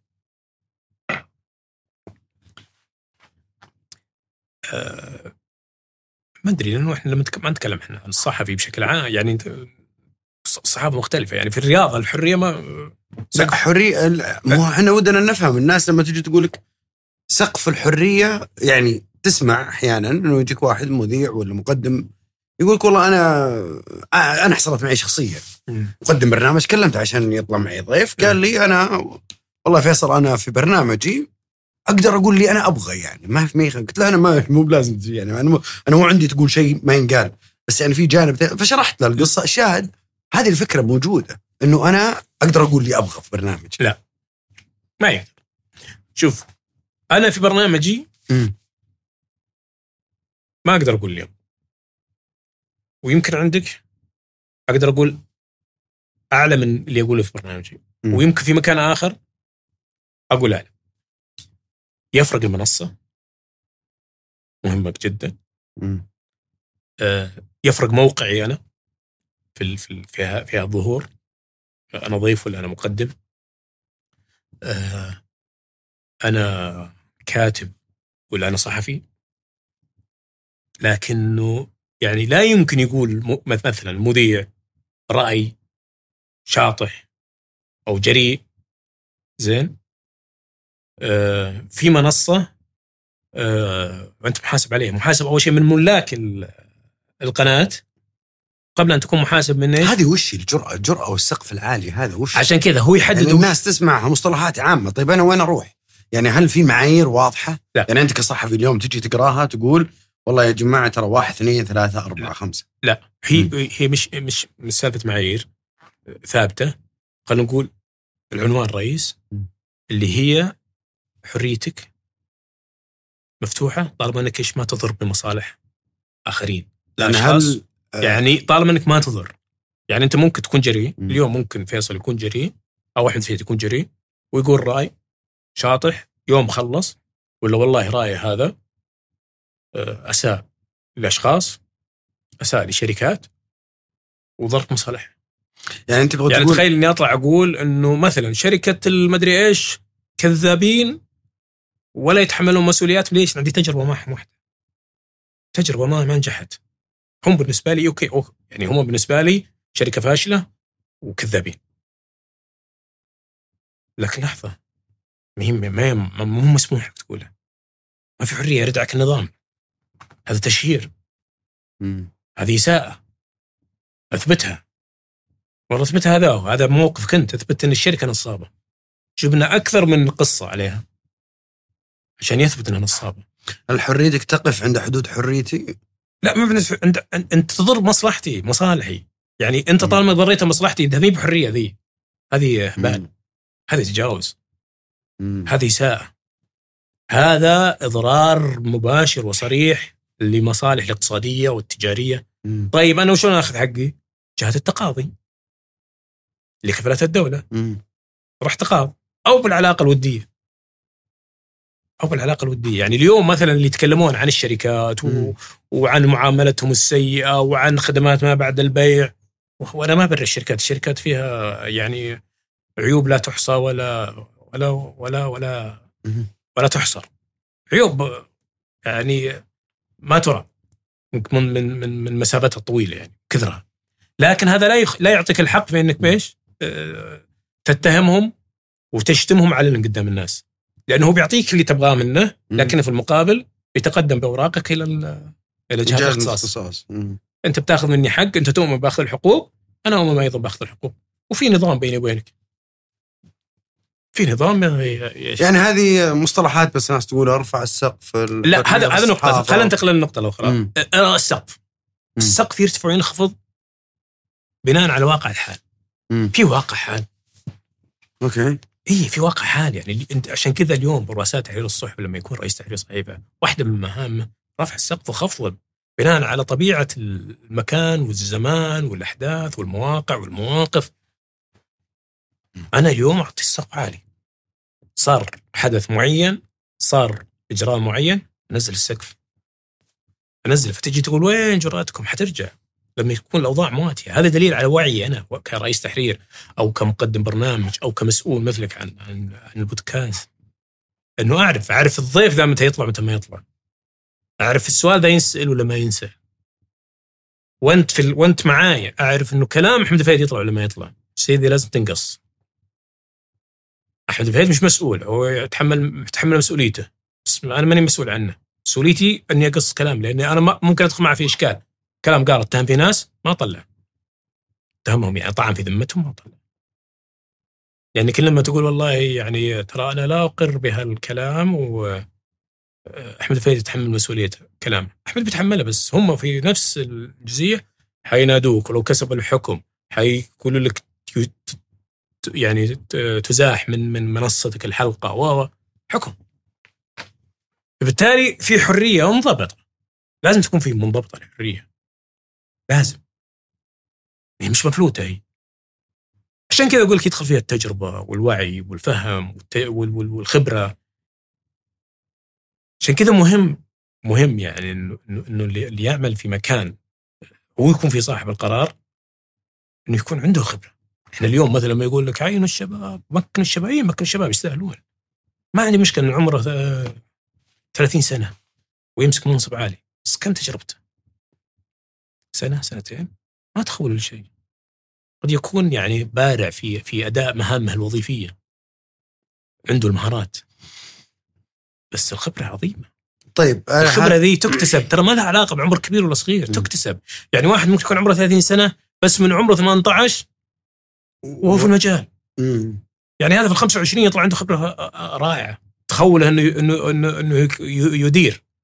يدير شركات ويدير مؤسسات ويدير حتى آه، هيئات وزارات. لأنه عنده خبرة عنده عنده عنده عنده رصيد. أنا قاعد آه، شو اسمه بدامك أنت الآن تقول آه، الخبرة وأحمد الفهد أصغر عضو مجلس إدارة هيئة الصحفيين. أصغر لأنهم هم كبار عاد هم كبار الله يرحم من مات منهم يعطيه حين الصحة والعافية هم. هم هم كبار طيب هل لأنهم كان رئيس رؤساء تحرير الصحف أول يعني. آه، وهم يعني اساتذه فاضل واجلاء وأحبهم حقيقة يعني. ويعني لهم فضل كبير بعد الله سبحانه وتعالى مو مو على على احمد الفيل لا على على الصحافة وعلى الصحفيين بشكل عام يعني. يكفي انهم يعني يحسب انهم من من اللي أسسوا صح- صحافة المملكة بس ذيك الأيام يمكن صغير يعني في الثلاثينات آه، أو بداية الثلاثينات آه، يعني منتصف الثلاثينات أنت ولا أو عيد الثقيل عيد الثقيل. الاستاذ عيد الثقيل إيه. آه، كان عندنا تجربة صحفية يعني مم. وقتها لما لما لما انضميت لل ورشحت إني أكون عضو في ال- في مجلس هيئة الصحفيين السعوديين آه، كان عندي تقريبا أتوقع 16 سنة مم. 15 سنة من العمل الصحفي. ما كنت جاي توني والله متخرج واشتغل لي سنتين. لا كان عندي خبرة وكنت أشتغل في الحياة. يعني الحياة الحياة السنة فيها اضربها بعشر سنوات. طيب هل صحيح أنها ولدت ميتة؟ اللي هي؟ هيئة الصحفيين؟ طبعا. ما أنا ما زلت ما زلت يعني قلت هالكلام وعيده. مم. بعد كم سنة؟ شوف كم لها راح. لا قيمة لها لا قي- هي هي هي هي هي اسم على ورق مع احترامي طبعا لكل طيب أنت كنت عضو مجلس إدارة فيها أبو بدر. آه، هو أنا أقول أنا عضو. مم. يعني أنا لما صرت عضو شفت لما تكون برا أنت ممكن إيش؟ يعني آه، تنظر وتطالب على في بالك إنه آه، لابد أن يحدث شيء. لما تكون عضو تعرف إنه لن يحدث شيء. طيب يوم صرت عضو وش ليش طلعت؟ وش وش يعني السؤال مباشر. وش اللي صاير جوا؟ خليها إلى اليوم جالسة كذا مولودة ما- ميتة. ما- صار شيء. أنت اليوم اليوم واحد من من من المطبخ. ما صار شيء. يعني شوف أنا أنا يعني ما أبغى أقول. وش دورها؟ ليش طلعت؟ وبعدين لا جالسة؟ أدوارها كثيرة وكبيرة لكنها لا لا لا لم تقم بأدوارها ولن تستطيع القيام بأدوارها. لن ولن تستطيع. ولن تستطيع ليش؟ بأدوارها. آه، لأنها تتنازع حق قناعات كثيرة آه، ضوابط آه، مسؤوليات. آه، يعني لا, لا يمكن أن تقوم بدورها هي الصحفيين السعوديين أنا أشوفها ما زالت إلى اللحظة. زين؟ آه، كيان فقط. كيان باسم. يعني حاجز له خانه لكنه لا يقدم شيء بصراحة. لا يقدم يعني لا يقدم شيء للصحفيين لا يقدم شيء للصحافة آه، في مساندها ودعمها آه، حمايتهم. يعني لو بسألك أنا وش سوت هيئة الصحفيين الس- السعوديين ما ما تعرف. وأنت المفروض إنك محسوب صحفي. والمفروض إنك خلني خلني وأنت. يمكن الآن إحنا لا نحمل بطاقه هيئه الصحفيين لكن الصحفيين اللي يعملون سواء في المواقع الالكترونيه أو في أو في أو في الصحف الورقية القائمة إلى الآن ماذا قدمت هيئه الصحفيين لإنقاذ الصحف الورقية ولدعم الصحف الورقية لتغلق واحدة تلو الاخرى؟ ماذا قدمت هيئه الصحفيين السعوديين لمنع آه، صحيفة الحياة من من أن تدفن حية؟ كمثال يعني. أنا ما أدري إيش سووا بصراحة لكنه ما في شيء ما في ناتج ما في ناتج اليوم نتكلم عن هيئه هيئه الصحفيين السعوديين في مواقف كثيرة وكبيرة متعلقة بالإعلام السعودي بالصحافه السعودية لم يصدر عنها بيانات لم يصدر عنها تصريحات ما في شيء ما في مبادرات ما في مبادرات ما في برامج ما في أي شيء وإن كانت موجودة هالبرامج في برامج خجوله لا تعكس حقيقة أو قيمة آه، هيئه الصحفيين السعوديين وانعكاس الحقيقي والفعلي والواقعي على الصحافة السعودية وعلى الصحفي السعودي. ما قدرت هيئه الصحفيين السعوديين تتماشى مع مرحلة ال social media أو المواقع التواصل الاجتماعي اللي فيه مصطلح ترى أنا أرفضه تماما. اللي هو آه، اي واحد يطلع في ال social media يحط أخبار يقول أنا إعلامي. أنا ترى ضد تماما. أنت ما أنت بإعلامي، أنت شخص تملك معلومة. الاعلامي موضوع ثاني. الاعلامي هذه مهمته هذه مهنته. هذا بنجي إيه. آه لرأيك آه، تكمل لي على ال- ال- اي فانا أنا. طبعا يعني آه، ما أبغى أتكلم كلام كذا يعني المقال كبر السوالف لا، أنت تشخص واقع. والجماعه والجماعه لهم كل التقدير والمحبة واساتذه فاضل واجلاء يعني أنا في حسبة واحد من العالم يعني بس إني أنا أتكلم عن عن الهيئة بغض النظر عن من يعمل فيها الآن أو من ينتسب إلى مجلس ادارتها بغض النظر عن نتكلم عن دورها أنا أتكلم عن مخرجاتها. سواء في لما كنت أنا عضو أو قبلي أو ال- ال- الدورات اللاحقة. ما في. ما في. يعني اليوم مثلا إحنا لما نتكلم في في الرياضة نتكلم عن اتحاد القدم ولا نتكلم عن وزارة الرياضة ولا نتكلم عن ال- ال- ال- اللجنة الأولمبية نناقش. لأن إذا ما تشوف نتائج تقول وش وش قاعدين تسوون أنتم؟ إذا إذا ما طلعت منك نتائج ولا مخرجات جيدة وذات قيمة معناته أنا بسألك. أنا أنا يا يا الإعلامي أنا يا المتابع المشاهد ال- عفوا المشجع. المسؤول بسالك وش وش قاعد تسوون وش قاعدين تسوون؟ قاعدين لكم مثلا أربع سنين ولا ثمان سنين وش سويتوا؟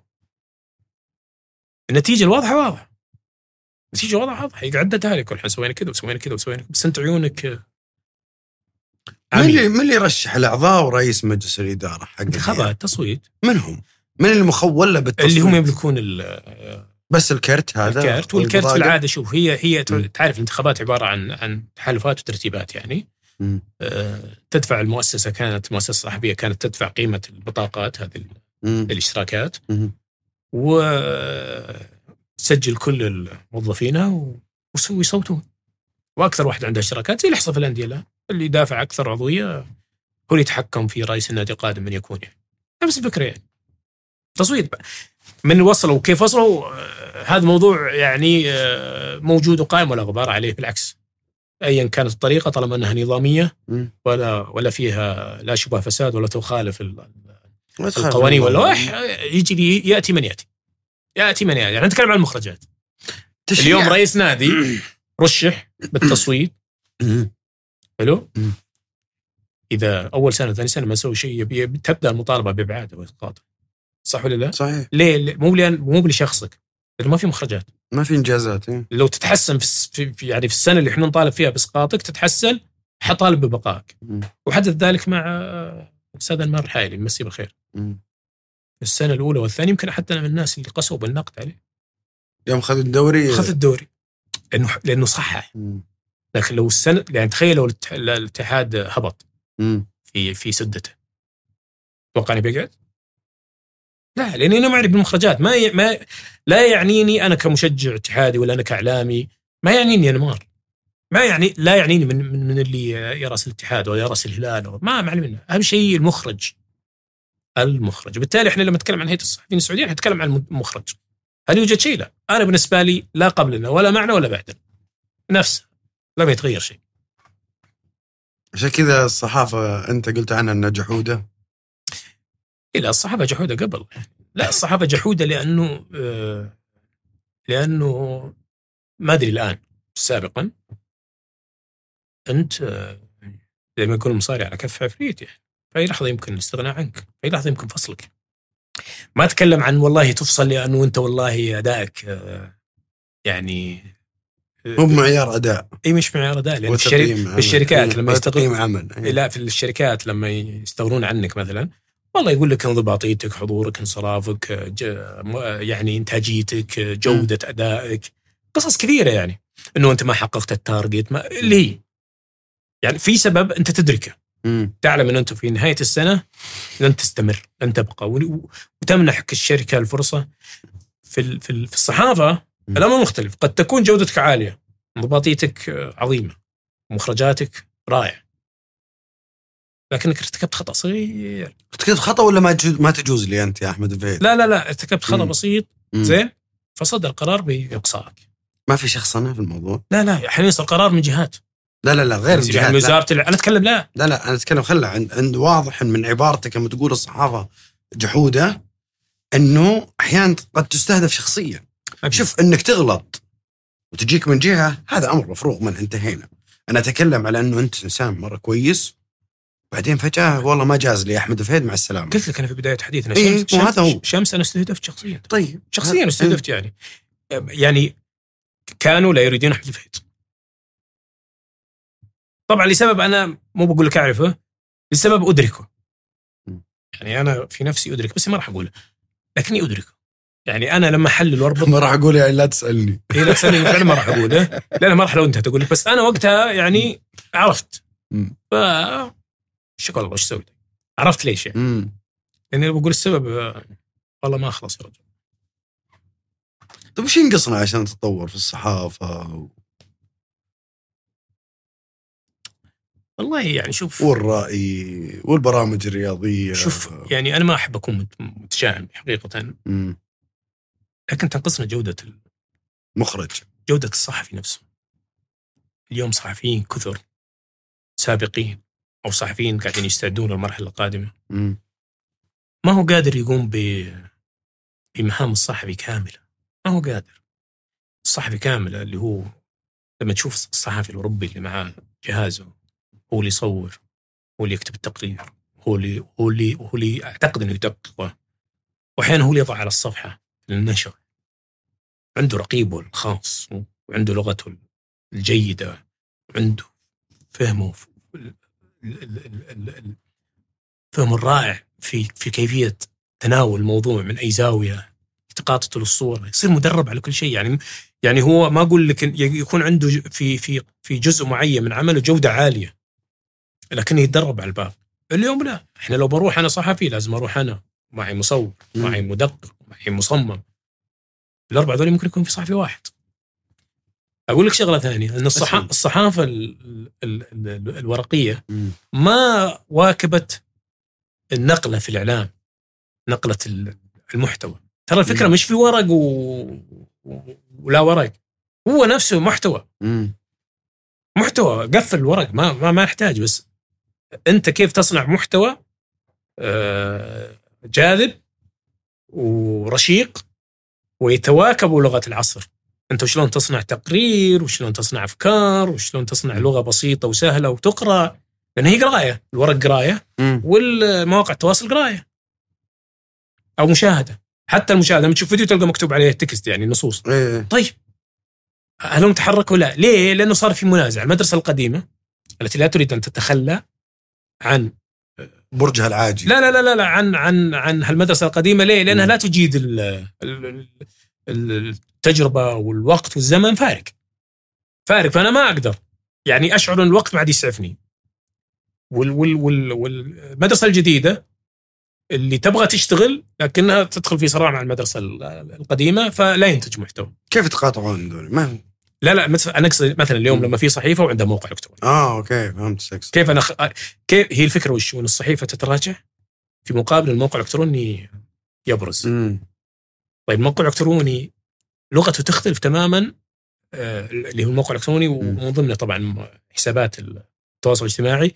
لغته تختلف تماما عن لغه الصحيفة اللي تتسم بالرصانة بالوقت إنك تأخذ وقتك. هذه لا لغة سريعة لغة خفيفة آه، يعني استثمارها في الوقت أصلا.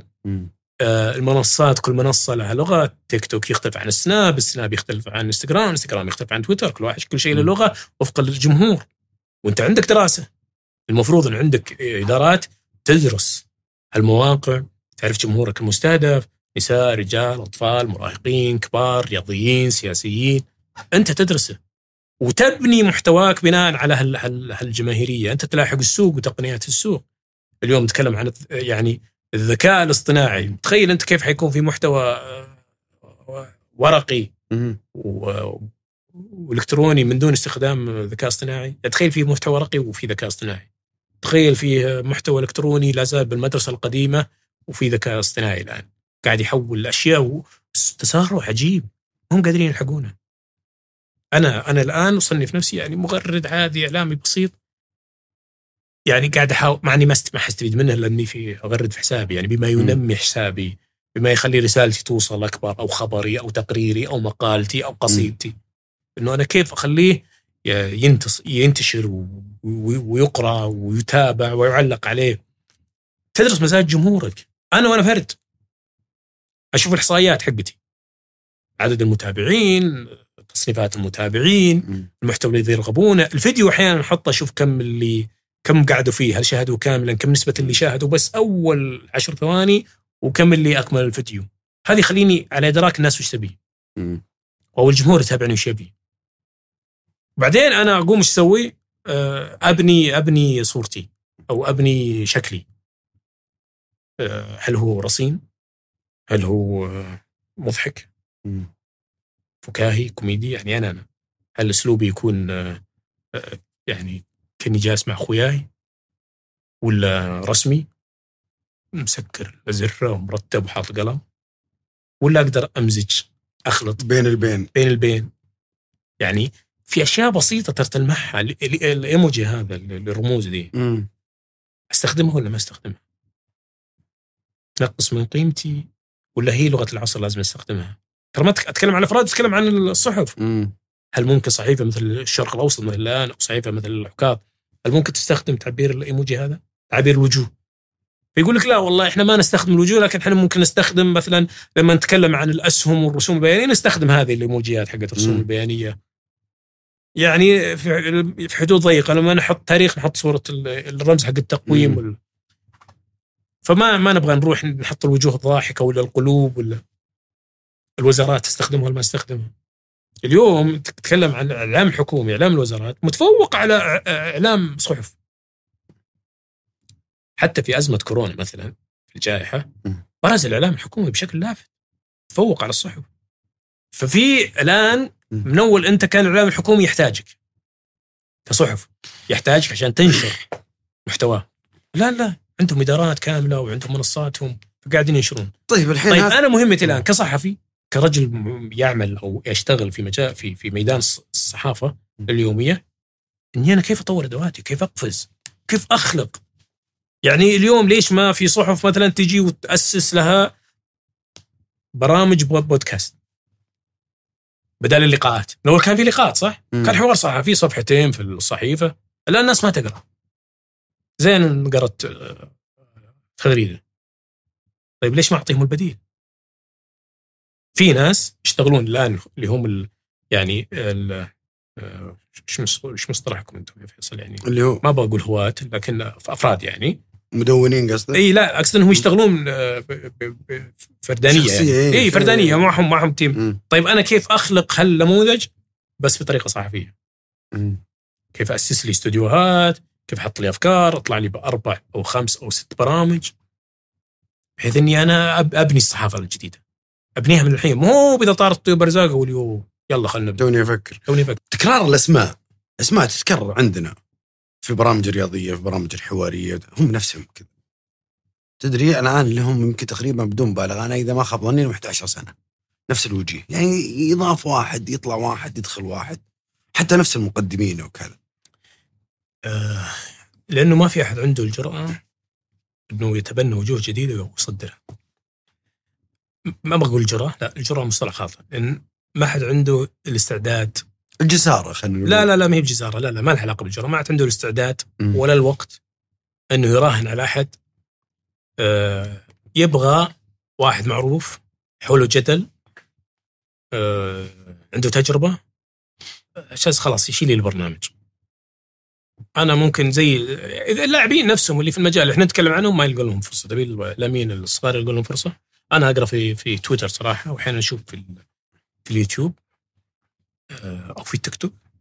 أشوف في شباب صغار في العمر دون العشرين بعد أيضا يعني وفوق العشرين رائعين أنا في تويتر أغير قناعاتي. أحيانا في أشياء معينة أو رايي يعدله صحها في موضوع معين بناء على تغريدات لشباب أقول. إنه هذا فلان صح. اللي يكون باسم مستعار. أنا ما أدري. يصير اسم الزعيم فارس ناجد. يقول هذا الكلام صح. شكرا. لأنه أنت غيرت قناعتي. عن عن عن رايي كنت بقوله بس هو صحح لي. صحح لي طبعا. مو لي أنا. وكتبها تغريدة. قال رأيه بس أنا استفدت منه. في- مليان مواقع التواصل الاجتماعي مليئة بنماذج أحيانا بأسمائهم أحيانا بصورهم يعني مع- معروفين كأسماء لكنهم ليسوا ليسوا مشهورين في المواقع نفس التواصل. لكنهم لا يظهرون في التلفزيون. رائعين. في شباب الآن يطلعون في في آه، برامج آه، رائعين مصدرين وجوه جديدة. مثلا عندنا في برنامج آه، اكشن مع وليد آه، عماد السالمي رائع. آه، عبيد الله العيسى في آه، في قناة آه، آه، آه، روتانا لا لا في آه، آه، C آه ب- إيش اسمه؟ اس اس سي. آه، اس اس سي. اي قناة رياضية. آه كثير كثير والله. يعني بس هذول اللي جايين يحضرون الآن عندي. رائعين. رائعين. تستمتع. انت وانت وانت تستمع لهم يعني. في في في تحليلاتهم عندهم فكرة وعندهم رؤية وعندهم بعد آخر وسرديتهم رائعة. يعني ولا الناس. يحبون هذا. سرديتهم رائعه لأن في أحيان واحد يصير عنده جيد لكنه بارع في الكتابة. لو بتطلعه على الهواء إيه، تربك الكاميرا ويربك شكرا أبو بدر هذه أنا ك... أنا كاتبها عندي. في ناس كنا نقرأ لهم اليوم هم طبعا موجودين في في البرامج.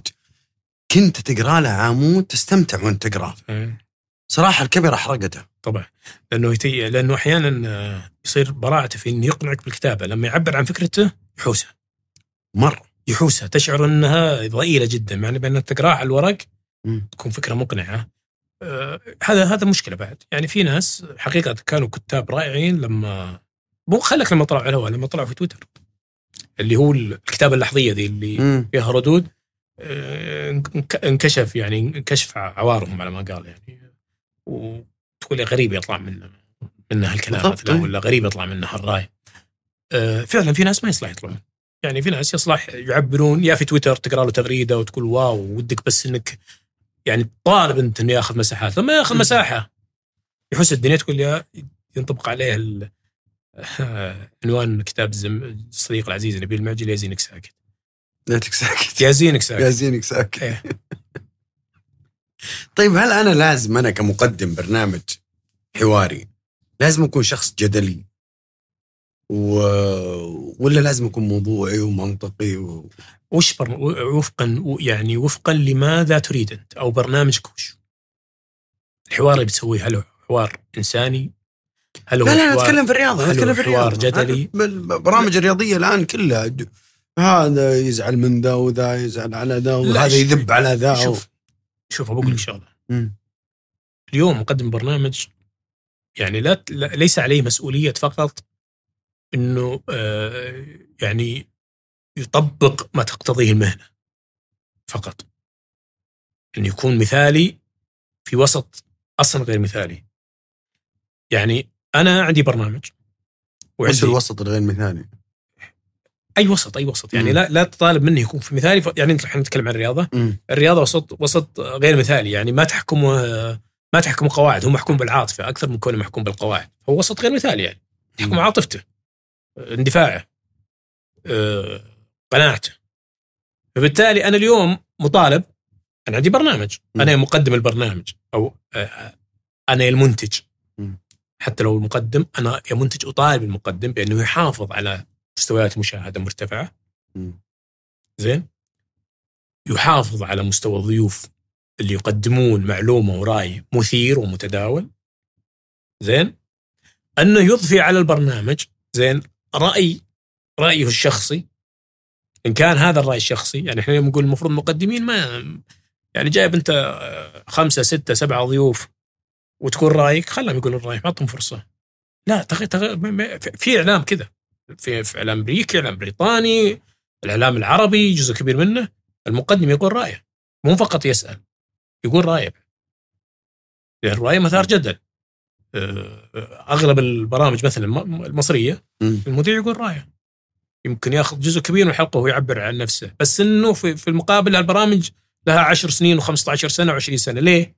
لأنها تحقق المبتغى نسبة المشاهدة العالية الحصول على على, على معلن. يعني فيدخل.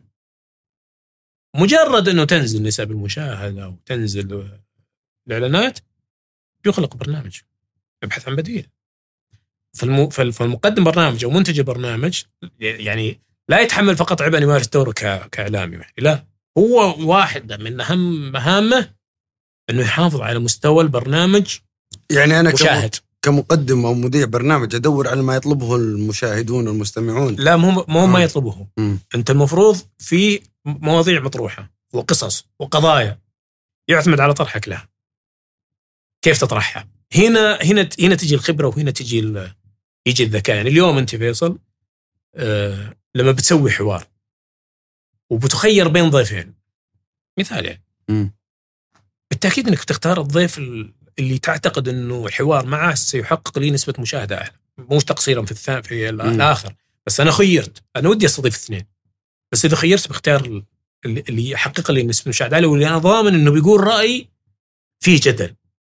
أو بيقول رأي متداول. مو شرط يكون فيه جدل يقولها على بياض. إيه. إيه يقول يعني عرفت؟ متداول. أو إني عندي القدرة إني أظهر آه ما فيه آه بسؤال والثاني. أنت تختار. ليه؟ لأنه أنت في النهاية كمقدم برنامج أو كمنتج البرنامج ايا يكن تبغى البرنامج يستمر بعد. لأنه انت صبرت أنت بدون راعي وبدون مشاهدات إلا ما تقفل. تقول خلاص هذه فكرة انتهت قضي الأمر نقفل نبدأ فكرة ثانية. ندرس السوق من جديد ونبدأ فكرة ثانية. بالتالي آه عشان كذا هم ما يغامرون. يعني ما يغامر ويطلع واحد آه، واحد جديد. يقول لك من الاسماء حتى من الاسماء. من الأسماء الجديدة على فكرة نسيت. أقول إحنا يمكن خالد القحطاني. مم. المحلل الفني. رائع. رائع رائع. فهما وسردا وحتى يعني حتى هو لما يصنع محتواه الخاص. هو فعلا رائع بس أنت تمدح عشان هلالي لا والله أنا خ- أنا خالد امدح لأنه لأنه جيد يعني. شوف أنا مم. عماد مثلا فعلا رائع يعني عماد أنا مثلا مدحته وأنا ما أعرف وش يشجع عماد آه عبيد الله ما ما أعرف شيء يشجع شفت هذا السؤال اللي أنا سألتك؟ إياه إيه. يقودني لسؤال اللي هو بس يستاهل المدح وإذا هو هلال يستاهل الزهد الخير خيرين؟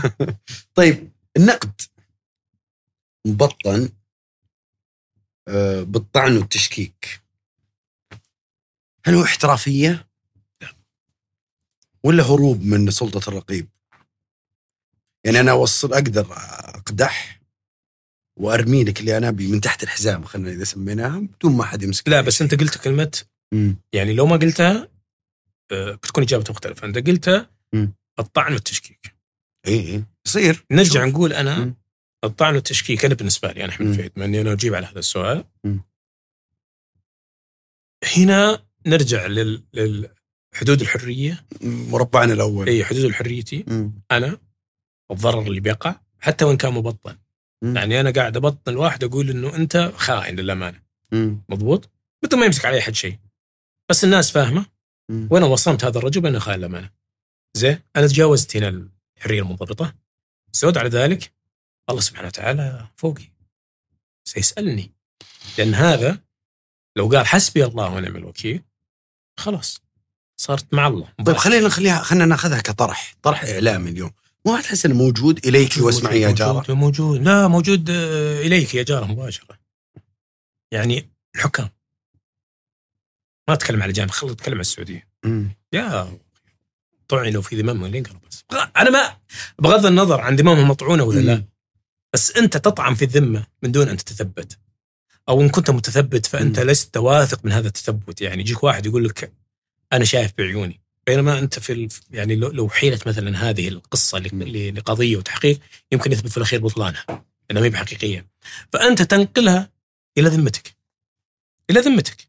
فأي حكم من هالحكام اللي انت طعنت في ذمته واتهمته بالمحاباة بالتدليس بالقبض بالأخذ الرشوة بالتامله ترفع يديه في جوف الليل. ولا بعد صلاة. قال حسبي الله ونعم الوكيل. اللهم إنك عزيز انتقام فانتقم. خلاص. في الدنيا وفي الآخرة. في الدنيا وفي الآخرة يعني شوف أنا عندي قاعدة. أنا أنا بالنسبة لي أحمد فيد أسست لي قاعدة فيما يتعلق بظهور التلفزيون أنا طبعا أنا هلالي مم. أشجع الهلال ويعني آه، من أنت وأنا عاشق للهلال إي. نعم عاشق للهلال مم. فأنا لما أتجادل أنا وأنت لما أتجادل أنا وأنت ممكن أنا يعني أحرق دمك. آه، بآراء غير صحيحة. ممكن أناقشك في في في يعني في حالة تحكيمية. مم. أنا على يقين إنها مثلا ضربة جزاء ولا إنها غير هدف واقول لك لا. ما هي بضربة جزاء ولا أقول لك لا هدف صحيح. هذا بيني وبينك. بيني وبينك في مج... في طيب هذه ما هذا ما ما لا لا. نفس نعم نفس لا المعيار أنت- اللي على لا لأن التلفزيون. لا لأن انت ربع هذا يسمونه مناكفة الأصحاب. عرفت؟ ولا قاربة. أرفع ضغطك ترفع ضغطي. بس في النهاية بنقعد على صحن واحد وبنتعشى وبنسافر وبنطلع وبندخل وبندخل يعني. زين بس إحنا لما نتناقش الرياضي وأنا داري إنك ان ان وانت داري إني بحرق دمك إيه. وأنا داري إنك تحرق دمي مم. عرفت بس في الأخير هذا نقاش. بس أنا أعرفك تعرفني ولو أدري إنك زعلت ابى أقوم بحب راسك وبقول يا أخوي جدك أنت تاخذ موضوع لأنك خوي مم. أو قريبي أو صاحبي أو زميلي في دائرتي يعني في دائرتي بلقاك. لكن لما أطلع التلفزيون هنا في رب العالمين في رب العالمين لأنه في شخص ورا التلفزيون ما أعرفه ولا يعرفني بس الله سبحانه وتعالى يعرفه ويعرفني وقلت له رأي استفزه أغضبه أحرق دمه رفع ضغطه لا هنا وقف طيب وش ضابطي أنا؟ مم. ضابطي في هالحالة اني اكون رأيي رأيي الذي أؤمن به مو باللي برفع ضغطك فيه. اللي- شايفه بعيني. اللي أنا أؤمن فيه. طيب رايي خطأ؟ صح ما أدري. بس هذا هو رأيي. هذا هو اللي ادين به إلى الله سبحانه وتعالى إن هذا رأيي. أنا والله العظيم لم أقل إلا رأيي. يعني ما قلت آه، مناكفة ولا دفاع عن عن الفريق اللي اشجعه ولا ما يستاهلون ذولي أقول أقول عنهم ولا أضغطهم عشان. عرفت السوالف اللي تصير ذي لا لا لا لا أنا أقول رأيي. وإذا ثبت لي أنه خطأ صححته. واعتذرت عنه إذا ثبت لي انه خطا صححته واعتذرت عنه. لكن اللي يصير الآن إنه لا. يعني أنا أقول المهنية وش ترى ترى مو آه، ما يمنع إنك تنحاز ترى. ما يمنع إنك. تنحاز. أنا مرة سئلت عن عن لو أنا مسكت صحيفة رياضية. مم. بقول بخليها منحازة. أبى أختار النادي حسب دراسة السوق. أبى أشوف النادي الاكثر جماهيرية اللي ممكن يبيع الصحيفة. وبصير آه، أنت ماخذه business wise يعني إيه. أنت ماخذه إيه أو النادي اللي بيختارونه ملاك مم. الصحيفة وإن كنت أرى إنه لن يحقق ال- العائد المالي الجيد مم. بقول لهم بناقشهم فيه وإن أصروا آه، على الأقل أنا أبديت وجهة نظري لهم. طيب بس وش الضابط؟ طيب أنا منحاز خلينا نفترض إني آه، صحيفة واخترت الهلال، مم. أنا منحاز للهلال ودافع عن قضايا الهلال. أدعم الهلال أنشر أخبار الهلال بكثافة لكني لا أدعي شيء غير موجود في سبيل إني أساعد فريقي. يعني ما أكذب. ما أكذب. ما أروح اختلق قصه زين؟ عن. وجود آه، تآمر ودفع فلوس مدري إيش عشان إيش؟ أشكك في ال- في الفرق الأخرى أو الفرق المنافسه ين- ين تكون طيب. بالتالي أنا. مهمتي إني أنا مكرس لهذا النادي لكن من دون ادعاء شيء لم يحدث. طيب اسمح لي من دون تأليف قصة غير. حقيقية. اسمح لي أقول في مصطلح أنا ما حبيته بس بقوله. مم. معليش سامحني يعني. تفضل. بقولها يعني للنقاش بيني يقول لك إنه الصحفيين يعني أحمد الفهيد جاب طاري الهلال والقصص و... جاء قال إنه ميسي والملبشوت بيجي. زين؟ صحيح. طيب ما جاء. مشكلة في مصادرك؟ اتهام أنا سمعته. إيه. بنقلها لك. اي انقل انقل عشان صدرك رحب؟ اي عشان حلل اللي تامني أجل أنا والله الله إنه. جزاك الله خير. إنه يتسلق على هال هالخبر. أه. إنه صار ترند قال أحمد إيش معنى أنا؟ خلني أنا أقول ولم والبشوت وأسولف في السناب وفي كل مكان. طيب تمر بالله. سم. إيش إيش المفروض. مم. إنه هذا الخبر مم. سر مم. والمفاوضات وتفاصيلها كلها عندي. زين يعني شيء شايفه عيوني شيء سامعه مم. عرفت ولم يكن من المفترض إنه هذا السر يعلن كنت على الهواء تحمست في في يعني كنت اعلق على الموضوع. في السياق تحمست وقلت وأنا أقول للهلاليين إن صحت الأخبار اللي عندي. جهزوا بشوتكم في استقبال استقبال الشيخ بس اي كررت أنت أكثر من مرة. لا لا أتكلم في البداية اي اي بعدين عودت كررت لا لا لا نفس, أتك- نفس اللقاء. لا لا لا أو في لقاء ثاني عدتها مرتين. اي أتكلم في البداية. يعني أقول. لك القصة وشلون وشلون. مم. هو كان سر المفروض ما يطلع. يعني اللي فاوض. زين؟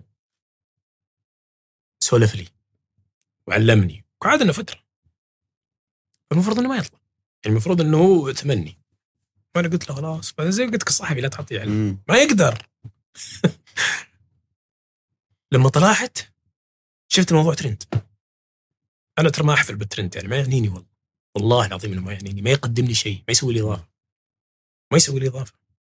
أنا لو أبغى ترند صرت مم. و- واقدر اخذ نعم حشوم بسم الله ثلاث ملايين أربع ملايين ترى ما تبي لها شيء يعني. مم. ما يبي لها يبي لها لسان شوي طويل و... وكم شتيمة على كم اتهام وشوف الجمهور إيش يبغى وروح معه. ما يصلح تتصادم انت مع جمهور آه، مم. نادي أصلا. اللي يتابعني يعرف إنه أنا مع جمهوري لا أدخل في في جدليات. آخرها تغيير جيسوس مدرب جيسوس. مم. وأنا كنت ضد تغييره. وإن كان تم تغييره يتغير في أوقات آه، معلومة ويكون بديله معروف. بس إنه لأني أنا ما لا أنا يعني ماني مهووس بحكاية إنه الجمهور يتابعني وما يتابعني اي بس فهمت كيف؟ ليه؟ لأنه أنا آه يعني الإعلام هذا بالنسبة لي مش تويتر ولا مواقع التواصل الاجتماعي هذه جت لاحقة أنا اي بس احمد أنا آه، يعني في خبرتي في الإعلام الحين نتكلم في السنة 26 أنا إيه أشتغل بسم الله عليك ما شاء الله تبارك 26 الله. سنة في الإعلام مم. يعني بالتالي قبل ال social media وأنا أشتغل في الصحافة و... و... و... ونحصد ردود الفعل. يوم ردود الفعل صعب إنك تحصل عليها. بس خلينا برجع لموضوع ميسي. مم. فطلعت لقيت الموضوع ترند. بعدين كلمني صاحبي. زعلان. قلت قسم بالله العظيم ما أدري كيف قلت. حقك علي وما حقك علي وما أدري إيش من من من, من هالقصص. بس أنا أعرف يقينا زين؟ إن الموضوع مخلص. أنا أعرف يقينا. ومع ذلك قلت إن صحت الأخبار. ومع ذلك قلت آه، 99% مم. لأني دائما أحط احتمال لل... لل... للعودة هذه. مم. لأنه تعرف في النهايه في- خصوصا في الرياضه يعني. المنعطف الأخير هذا يعني في لاعبين. في لاعبين في لاعبين. جو لأندية ونزلوا المطار. وهم رايحين للنادي بيوقعون العقد. جاهم اتصال في السيارة. ارجع دقوا اشاره لا مم. راحوا لنادي ثاني مم. بس الصحفي ما ينتظر الصحفي يقول يعني اليوم أنا لو عندي خبر أنا صحفي خلينا نفترض اني صحفي في صحيفة إلكترونية م. وعندي خبر إن فيصل بيوقع للهلال عندي خبر والآن فيصل نازل طيارة والآن فيصل رايح للهلال ورايح أتريه أنا لأنه رئيس النادي قايل لي تعال آه، صور التوقيع عشان تنفرد به م. ونروح للنادي الهلال ونحتري فيصل وأنا اغرد بها ولا قايلها في رسالتي لل... للبرنامج اللي فيه ونحتري فيصل وما يجي. وين فيصل؟ طالع موقع مع نادي. زادوه في الطريق مليونين ولا ولا 10 مليون. في النهاية بطلع كذاب. أنا بطلع كذاب قدام الجمهور. لاني أنا قلت فيصل آه، رايح اي رايح رايح لل- للهلال. ثم فجأة طلعت صور مع فريق ثاني. ابى أطلع كذاب وأطلع يعني موقع ت- ت- تندر وتنمر مم. عادي بس اللي يشتغل صحافة يفهم هذا الكلام. يفهم. يفهم يفهم الجمهور ما يفهم الجمهور يفهم عاطفي. يعني يعني ش... أنت. لو بتشوف الصفقات اللي تعلن في أوروبا كمثال مم. ويعلنون كبار الصحفيين يعني هو يعلن عشر صفقات ترى ثنتين ثلاث اللي اللي تتم وسبع صفقات ست صفقات وثمان صفقات تت- تتحول. يهون في آخر لحظة يتراجع يتراجع وميسي أنا عندي عنها تفاصيل حتى فيما يتعلق بالتراجع بس طبعا ما عاد ما عاد أقدر أنا يعني. ما تكلمت فيها ولا راح أتكلم فيها. إيه تدري لأنه أنا بالنسبة لي خبر قيل آه، في لحظة غير محسوبة يعني المفروض إني ما أقوله لأنه سر. سر. فقلته طلعت لقيت الدنيا مولعة فخلاص يعني آه، كل ما سئلت في مكان قلت رأيي. قلت رأيي لأني فعلا كنت ضامن إنه بيجي. غير رايه طبعا وإلى الآن ما حد يعرف ليش غير رايه طبعا هو أعلن إنه بسبب اولاده وزوجته وكذا. آه لكن لا أحد يعلم السبب الحقيقي. السبب الحقيقي يعرفه فقط ميسي ووالده زوجته. أتوقع. أتوقع يعني ما ما ما صارح لهم يعني. لأنه أبوه وكيل اعمال وزوجته هي كاتمة الأسرار يعني لازم تعرف. طيب شوف هذه فقرة عندنا ابو أنا والله باقي عندي شوي على ميسي بس يبدو إنك ما تحب الحكي عنها لا لا لا, لا. بالعكس لا بالعكس بس لأن أنا أنا, أنا في اتهام أنا في اتهام جاك أحمد يقول أبو بدر إنه من ذكاء أحمد الفهيد إنه كان لاعب سوبر ستار جاء للنصر اللي هو كريستيانو رونالدو واليوم يحكون عن ميسي وبدا الكلام عن يعني أنت ما تكلمت في البداية أنت تكلمت يوم بدأت الناس تنشحن الجمهور الهلالي ينشحن يبي ميسي ميسي ميسي طلعت أنت بهال لا والله بهالقصه لا. لأنه ذكاء من أحمد الفهيد أحمد الفهيد خبرته 26 سنة زي ما تفضلت وجاء وقال لا. في الوقت اللي يحتاج فيه الجمهور إنهم لا والله لأنه كان يبي كان جمهور ف- واضح إنه يبي. أحد يقول له ترى بيجي يا جماعة خلاص طمنوا. جاء أحمد الفهيد وقام بهالدور طيب فيصل أنا والله العظيم ما أفكر بالطريقة والحمد لله إني ما أفكر. أنا أقول أنا أنا ارد أنا أرد على ال- مم. ما يقوله. أنا ما أفكر بالطريقة والحمد لله رب العالمين إني ما أفكر بالطريقة يعني أنا ما أشغل نفسي بالتخطيط. خل أقول كذا على أساس إنه يصير كذا على أساس إني أنا أطلع ترند. في ناس لما يطلعون ترند يصورها وينشرها في حسابه. مم. فهمت؟ يعني أنا حتى مشاهداتي كنت طلعت على المشاهدات وريتك أنا مم. ما استعرضت فيها. نسبة الوصول عندي في في, اي في إيه، ما. شاء الله تبارك إيه. الله. ما ما استعرضت فيها. يعني ما هي بمدرستي. مو بهاجس عندك. ولا هو هاجس عندي ولا يعنيني ولا هو بشخصيتي أصلا يعني أنا. يعني هذا مش مش مو شخصيتي بالتالي أنا أهم شيء المحتوى اللي أقدمه يليق فيني. يناسبني ويتناسب مع جمهوري ما يقول لك إنه أنا أدرس السوق مم. يعني في النهاية حسابي هذا مو بح... هو صحيح إنه لي بس. في ناس تتابع هذا الناس اللي تتابعني وشلون أنا يعني اعطيها محتوى يناسبها شلون أحافظ على وجودها لأنه أنا مهم كل ما زودت قاعدتي من المتابعين الحقيقيين مم. يعني في ناس يشترون. يشترون 4 ملايين 5 ملايين وين المتعة؟ وين البهجة؟ وين الإنجاز في أنه أنت تبث رسائل أو تنشر محتوى. الحقيقيين اللي يقرونه 100000 والفيك 4 مليون و900 المزيفين. وين المتعة؟ المتعة لما يكون حسابك حقيقي فيه مليون حقيقيين ويتابعك جزء كبير منهم ما أقول كلهم مم. وردة فعلهم حقيقية هذا هو اللي يصنع يصنع الأرقام والشهادات زي اللي شفتها أنت. فما فأدرس أدرس الحالة أدرس السوق أدرس طريقة التفكير الأعمار الأجناس الجنسيات. وبناء عليه أحدد محتواي. كيف يروح. أنت من ما أنت من ما أنت من المدرسة اللي تدور ترند لا لا لا لا. إيه. أنا لو دورت أنا قعدت في الرياض طول عمري. طيب. أنا محتواي مش رياضي رياضي شعري أدبي سياسي. ليش؟ لأن أنا حسابي بفضل من الله سبحانه وتعالى يعني منوع. فيه مسؤولين فيه وزراء فيه رجال دولة فيه مثقفين فيه أدباء فيه فنانين فيه ممثلين. فنانين أقصد مطربين يعني. مم. في ممثلين ممثلين وممثلات مطربين ومطربات في لاعبين قدامى في لاعبين حاليين. أنا يعني خليط أنا بالنسبة لي لازم أرضيه. مو معقول كله كله رياضة رياضة رياضة وجدليه أنا على المستوى الشخصي بسامح ضيفك ذا اللي بيجي الليلة. لأنه عندي اشياء واجد أبغى اقولها وأنت سبحان الله تقول اشياء كثيرة. بس الله يحل لو يجزاك الحين. حصرنا بالوقت آه أنا عندي بس أسئلة ومواقف سريعة. أنا برضو والله عندي أشياء كثيرة أنت قاعد تقولها بس عادي يلا ما علينا. لعلنا فرصة ثانية إن شاء الله. آه مقال ما ينساه أحمد فهيد ليش؟ الوصية الأخيرة يقراها الموت هذه ما يحتاج تقول ليش أنا داري. ليش؟ آه، تسلم. أول شيء لأنه آه، يعني كتب عني حقيقة. يعني سماها لحظة آه، لحظة صفاء لحظة كتابة لا أتحكم فيها. لحظة تجلي. لحظة كتابة ما أتحكم فيها.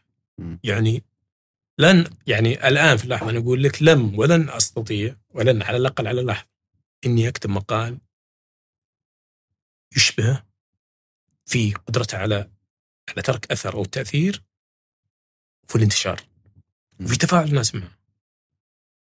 أنا نفسي مصدوم بالتفاعل. يمكن أنا يعني لما كتبته اكتشفت داخلي آه يعني لما تو- توفى أبوي الله يرحمه ما, ما كتبت شيء. الله ما كتبت شيء. بعدين أبوي توفى موت مفاجئ. واكتشفت إنه بعد وفاة والدي وأنا أصبحت في مواجهة الدنيا. يعني اللي اللي ما فقد أباء الله يخلي لهم ابائهم يا رب يا كريم. ويدفع اعمارهم امهات واباء. آه يعني فعلا ال- الوالد رحيله كسر ظهر. خصوصا لما تكون أنت ال- الولد الكبير. يعني يمكن أنا أنا أنا أكبر العيال لكن ماني باكبر الابناء. في فوقي أربع بنات. بس أنا أكبر الأولاد. فانا الآن مسؤول عن عائلتي وعن أمي. الله يحفظها ويخليها. آمين يا رب. وبعدين تزوجت صار عندي زوجة وأولاد. واسره وأسرة فزادت المسؤوليات. فاكتشفت إنه في حزن كبير يستوطن. يستوطن روحي بدون ما ادري عنه. حزن. مخلوط ب ب بأعباء. مخلوط ب ب يعني طاقة تحمل تكاد أن تنفد يعني تكاد تخلص. وفي لحظة غير محسوبة. ابد في لحظة غير مخطط لها يا فيصل. أنا لا شوف لا تخليني اقراه لأن انت أنت الحين أنت الحين أنت أنت مارست الآن مهنتك بشكل احترافي جدا قاعد تجرني لهالم... أنا ما أبغى اقراه أنا ما أبغى اقراه ابدا. لا، لأنه- لأن- أنا أنا أبغى الناس تقراه لأنه مقال أنا بالنسبة لي صراحة أثر فيني. أنا بقول كلمة بس بقفل أنا وياك الجزئية عشان أروح الباقي لأن الوقت بس. أه بعقب على كلمتك لما قلت وفاة الوالد. أه أنا كلمه قلتها للوالده الله يمتعها بالصحة. والعافية. آمين. متوفى أبوي الله يرحمه ويسكن الجنة. قلت لها ظهري ينكشف. فعلا ترى هذا هذا اللي يحس فيه اللي يتوفى أبوه حتى لو على كبر. الله ي... هذا صحيح ويرحمهم جميعا. لأنه غريب ترى الموضوع.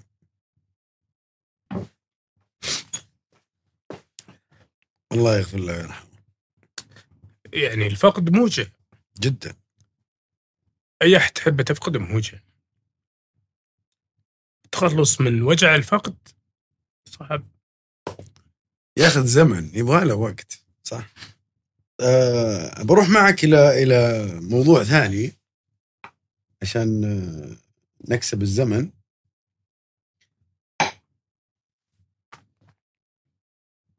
عندي أسماء. مم. بقول لك إياها. اسم. علق عليه طيب. بكلمة أو بايجاز اللي تبي.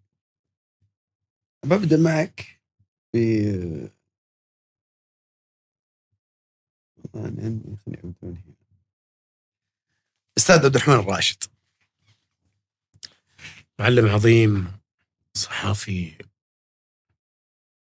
كبير آه، وانسان رائع. آه، واحدة من من من أهم وأعظم مزايا عبد الراشد مزايا كثيرة. إنه تختلف معاه وتختلف الرأي طبعا. مم. آه، لكنه دائما يعني منفتح على الحوار وعلى النقاش. في المقابل في المقابل آه، يحتفظ بال- بالإنسانية ويحتفظ بالود والصداقة. يعني يعني أعظم شخص ممكن أن تحاور عن عن عن عن الصحافة كمهنة. أعظم شخص ممكن تحاور عن عن عن تجربة ال- الإعلامي أعظم شخص ممكن تستشيره.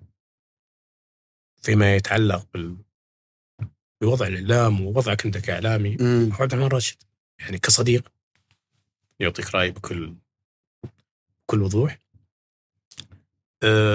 أو ك- كمهني كمهني تجربة ثرية يعني واحدة من العلامات المضيئة الكبيرة في المملكة العربية السعودية آه، أستاذ في- عبد راشد. في الإعلام السعودي يعني مو في حاجة شهادتي أنا بالنسبة واحد من تلاميذه يعني واحد من طلاب مم. آه، تكلم عن عن رجل صاحب تأثير. على مستوى الكلمة على مستوى الرأي على مستوى حتى قيادة ال- الإعلام. تكلم عن تجربة عظيمة في الشرق الأوسط تجربة عظيمة في العربية تجربة عظيمة في كتابة المقال الصحفي. واحد واحد من يعني عشرة كتاب آه، على مستوى العالم العربي يكتبون المقالة الصحفية بحرفية وتكنيك رائع. ما شاء الله. الاستاذ جميل الذيابي أوه. صديق. مم. أخ كبير. قائد عظيم. ومدير ملهم. أدين له بالفضل بعد الله سبحانه وتعالى في التحول الكبير اللي صار في حياتي المهنية. آه، لا من حيث التمكين لا من حيث الثقة لا من حيث آه، يعني آه، تقبله للجدل. للعنفوان اللي جواتي. آه، لآرائي اللي أحيانا إصراري على أنه ينشر أو لا ينشر. يعني كنا نخوض معارك لكنه جميل الذيابي بدوي أصيل. لا لا يعني لا يحقد ولا ولا ولا يكره. آه، يؤمن تماما إنه أنت يعني آه، تقاتل آه، من من من أجل الصحيفة من. أجله هو شخصيا يعني. لا يعني لا يحمل في قلبه ولا يصنع خصومه ولا يحولك إلى عدو ابدا. يعني إن تعاملت مع جميل وقبلك في البداية كصديق ستستمر صديق يعني. عنده عنده عنده شهامة البدوي ومروءته يعني. إنه ولا يفجر في الخصومه يعني رائع بس. جميل الذيابي أنا أرجع واقول بعد الله سبحانه وتعالى ودينه بالفضل في التحول الكبير اللي صار في حياتي المهنية وانعكس على حياتي بشكل عام. هذا الاسم أنا بقوله مع إنك جبته في نص اللقاء بس ب... ب... ما أنا مخليها في خاطري بقول الأمير فيصل بن تركي الله الله أبو تركي. أه أحبه ولا لا يعني قلب نقي والله يعني الرجل هذا اللي اللي يعني يظهر أمام الكاميرا الحين كان رئيس نادي. النصر ويدلي بتصريحات نارية وتحديات صاعقة آه، يعني قلب نقي قلب طفل يعني رجل تستمتع تستمتع به وبصداقته وتفخر وتفرح إنه يعني إنه موجود في حياتك كصديق يعني حقيقة يعني شوف أنا لقاءاتي. مع الأمير فيصل يعني تكاد تكون نادرة جدا يعني ما ألتقي بحكم انشغاله مم. وبحكم إنه أنا يعني أحيانا ما توافق أوقاتي مع أوقاته لكن في في تواصل هاتفي رائع. أه، ثاني واحد يقول لي عن الأمير فيصل بن تركي أنا أجملها كذا إنه الأمير فيصل بن تر- تركي خصم شريف. نعم. نعم. اشهد الله. اشهد الله خصم شريف يعني. آه يعني ما ما أتكلم عن إنه آه يعني إنت سمعتها من أكثر لا من يعني شخص أنا. أنت إذا خطيت عليه ولا على النادي اللي كان يرأسه. نادي النصر وكان الأمر يعني فيه آه، في حفظ حقوق النادي و- آه، لا هو يمشي في الإجراء السليم مم. بس إنه لا يضمر أو يخطط على آه، ايذائك أنت لا يروح أب... لا يروح لابعد من حقه لا لا لا ما يروح- يعني أنت مم. اذيت نفسك تحمل. لكني أنا أؤذيك وأخطط على ايذائك أنا أشهد على تجربتي معه أنا ما أعرف. عن تجارب مع اخرين عن تجربتي معه وأنا أشهد على كلامك وكلام واحد ثاني. إي يعني أنا مم. لا لا يؤذيك. بل أنه يعني أحيانا إذا حس إنه الإجراء اللي بيتخذه لحفظ حقه أو حق ناديه. بيؤذيك يتراجع. بحس إنه يعني بيمتد لك ولأسرتك وكذا يتراجع. هذا اللي أعرفه أنا شخصيا. أستاذ حسام الصالح. أبو سعود. حبيبي أبو سعود. بس كويس أنت نوعت. جميل الذيابي هلاوي عبد الرحمن راشد هلالي. بس جبت- جبت لي نصراويين فيصل بن تركي وحسام الصالح لا نصراوي. لسه باقي واحد نصراوي ثالث بعد. كلهم أصدقائك. حسام الصالح يعني هو حقيقة صديق غالي جدا إلا إنه أنا اضع في مرتبه أخ كبير. آه، ما زالت علاقتك معي إلى الآن؟ نعم. نختلف أنا وياه في آه، ميسي ورونالدو. صار يحب رونالدو الحين بحكم نجاح النصر مع إنه كان عدو لدود بالنسبة له. نختلف أنا وياه في مدريد وبرشلونة نختلف أنا وياه في النصر والهلال ما بيننا أي نقاط التقاء. في الرياضة ابدا ما بينكم أي. نقاط قوية. لكنه صديق عظيم. أخ كبير بالنسبة لي رائع. يعني رجل فزعة رجل كرم رجل عنده رأي. يعني من الناس اللي تقول ابو سعود أبى أجيك أبى أخذ رأيك في في موضوع في أي موضوع في الحياة في العمل في أي موضوع. يعني رجل عنده خبرة صادق. صادق جدا. حسام الصالح صادق حتى مع الناس اللي يعني يمكن ما بينه وبينهم علاقة متينة. فما بالك من اصدقائه صادق وواضح. ما يلف ولا يدور. وهذا وهذا جزء من من من يعني أصيل من من من نجاحه وتفوقه. أه نشترك أنا وياه في في في رفضنا لبعض الشغلات يعني. في أشياء كثيرة تحصل. يعني نشترك إحنا في انه السلوك هذا غير مقبول الموقف هذا غير مقبول. يعني عاد عادة لما نتكلم في نتناقش حول موضوع معين في الغالب أنا وياه نشترك في الرفض. في عندنا عندنا يعني ضابط إنساني ومهني وأخلاقي وعرفت نفسي. متشابه تقريبا. فأنا أحبه. أستاذ سلمان مالك. أوه. يا حبايبي نصراويين طلعوا واجد والله. اي اي الظاهر كلهم أنت. باقي لنا نشجع النصر بس. آه، أبو فهد. يا أخي هذا ال...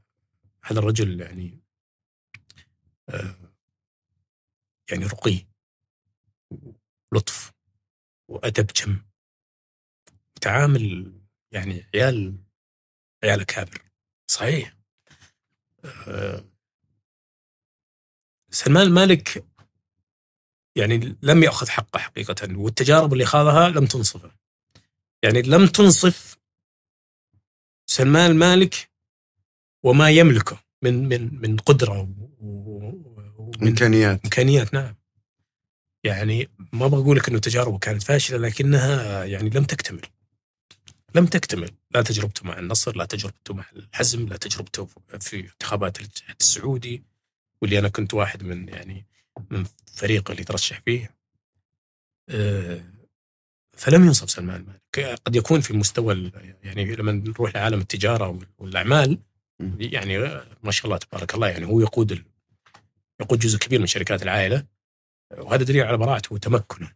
لكن أحيانا الوسط الرياضي ما يعطيك الفرصة إنه أنت تعمل يعني. فيستعجلون النتائج وأنا ما أنسى له آه، يعني موقف يدل على على براعته وعلى أنه قائد رائع. لما خسر لما خسر الانتخابات أمام الاستاذ عادل عزت الدكتور عادل عزت اللي يمسيه بالخير؟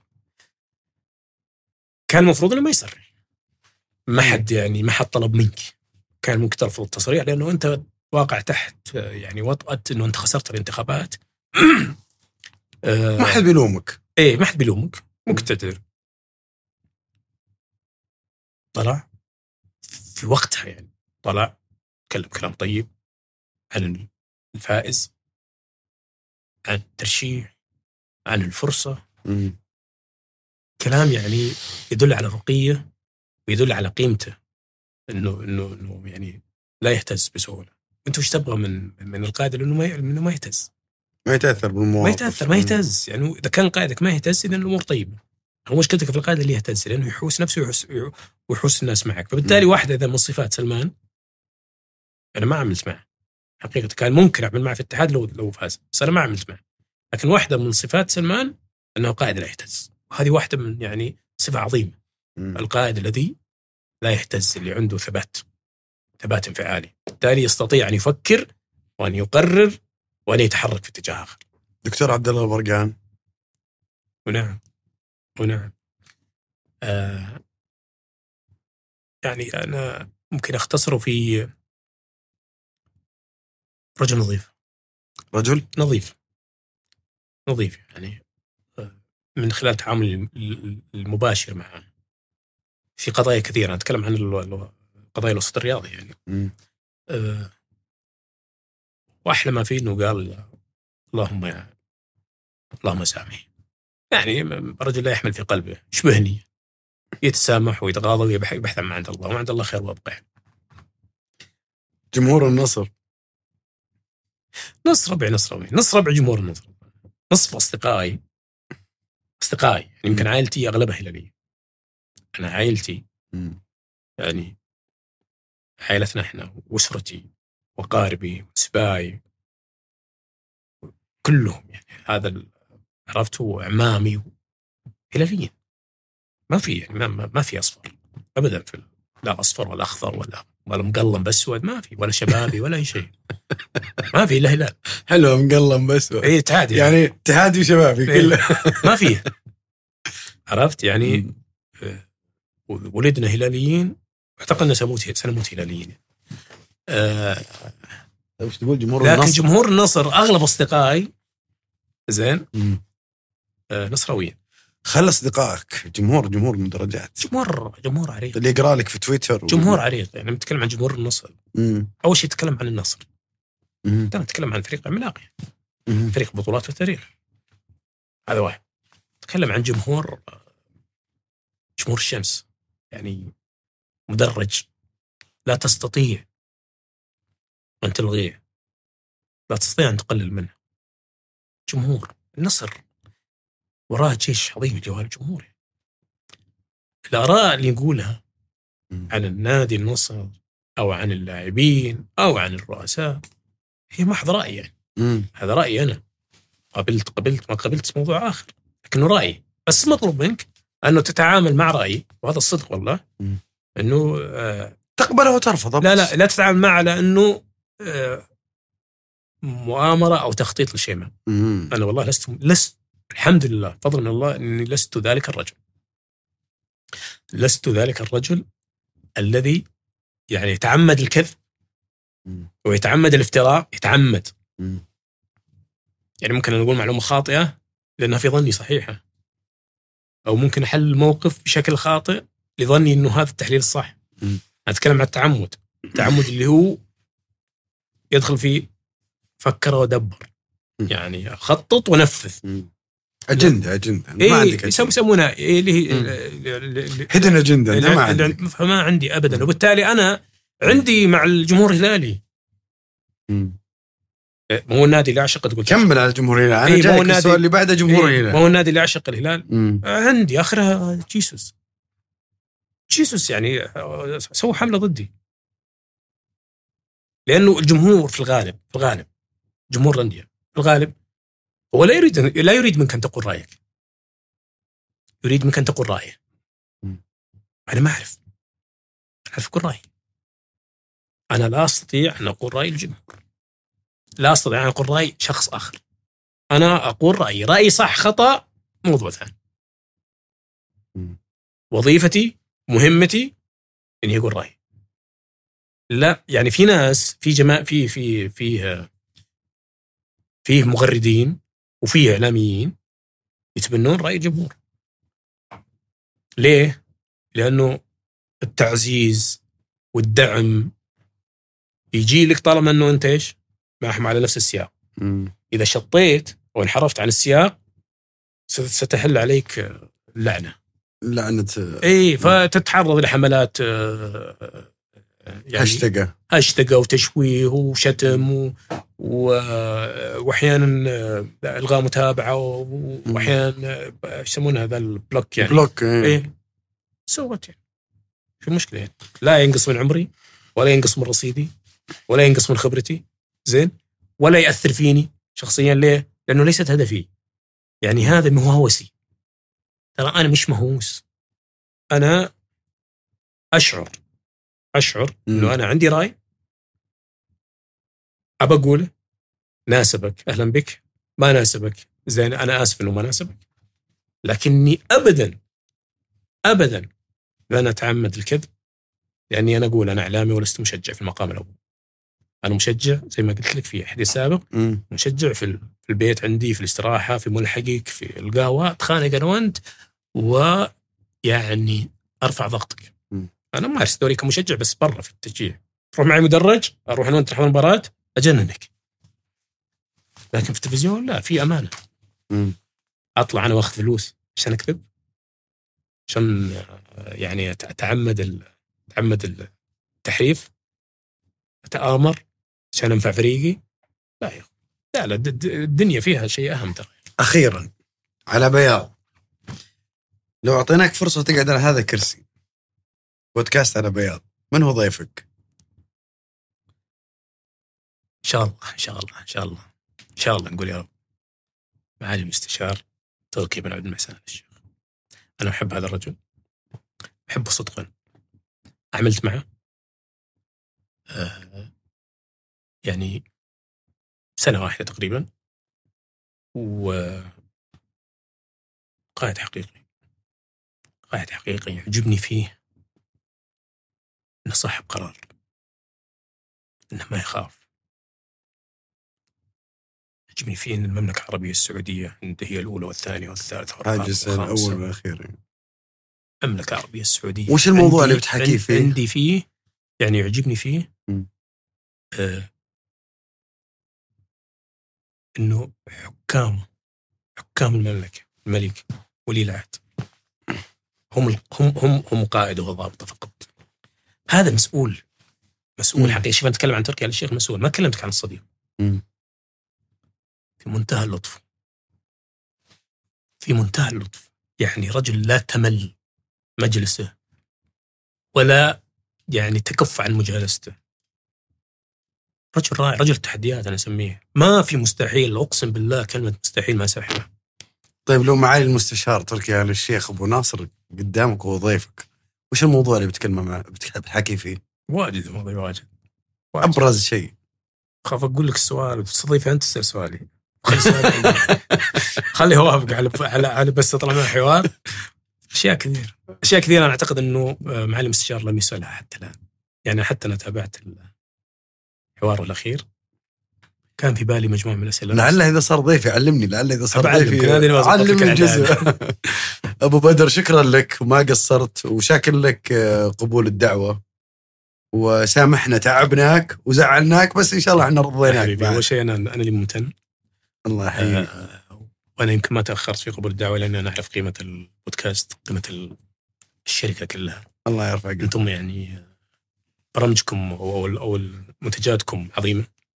يمكن سولفنا قبل إحنا ما ندخل الاستديو إني. أتابع أغلب منتجاتكم هم رفيقي في يعني في الطريق ما في فرصة إني اسمع ال- البودكاست إلا يا في النادي إذا تمرنت يا في السيارة في السيارة السيارة ما في يعني تعرف إحنا ما نحب اللي ما عندنا والله تركب قطار ولا إيه. ما عندنا سيارتنا ولا آه إن شاء الله يعني بداية موفقة بداية رائعة آه لكل الزملاء البقيه في, في. في الشركة وأنا ممتن شكرا لك أبو بدر. الله يحييك. إيه. مبارك. شكرا لكم.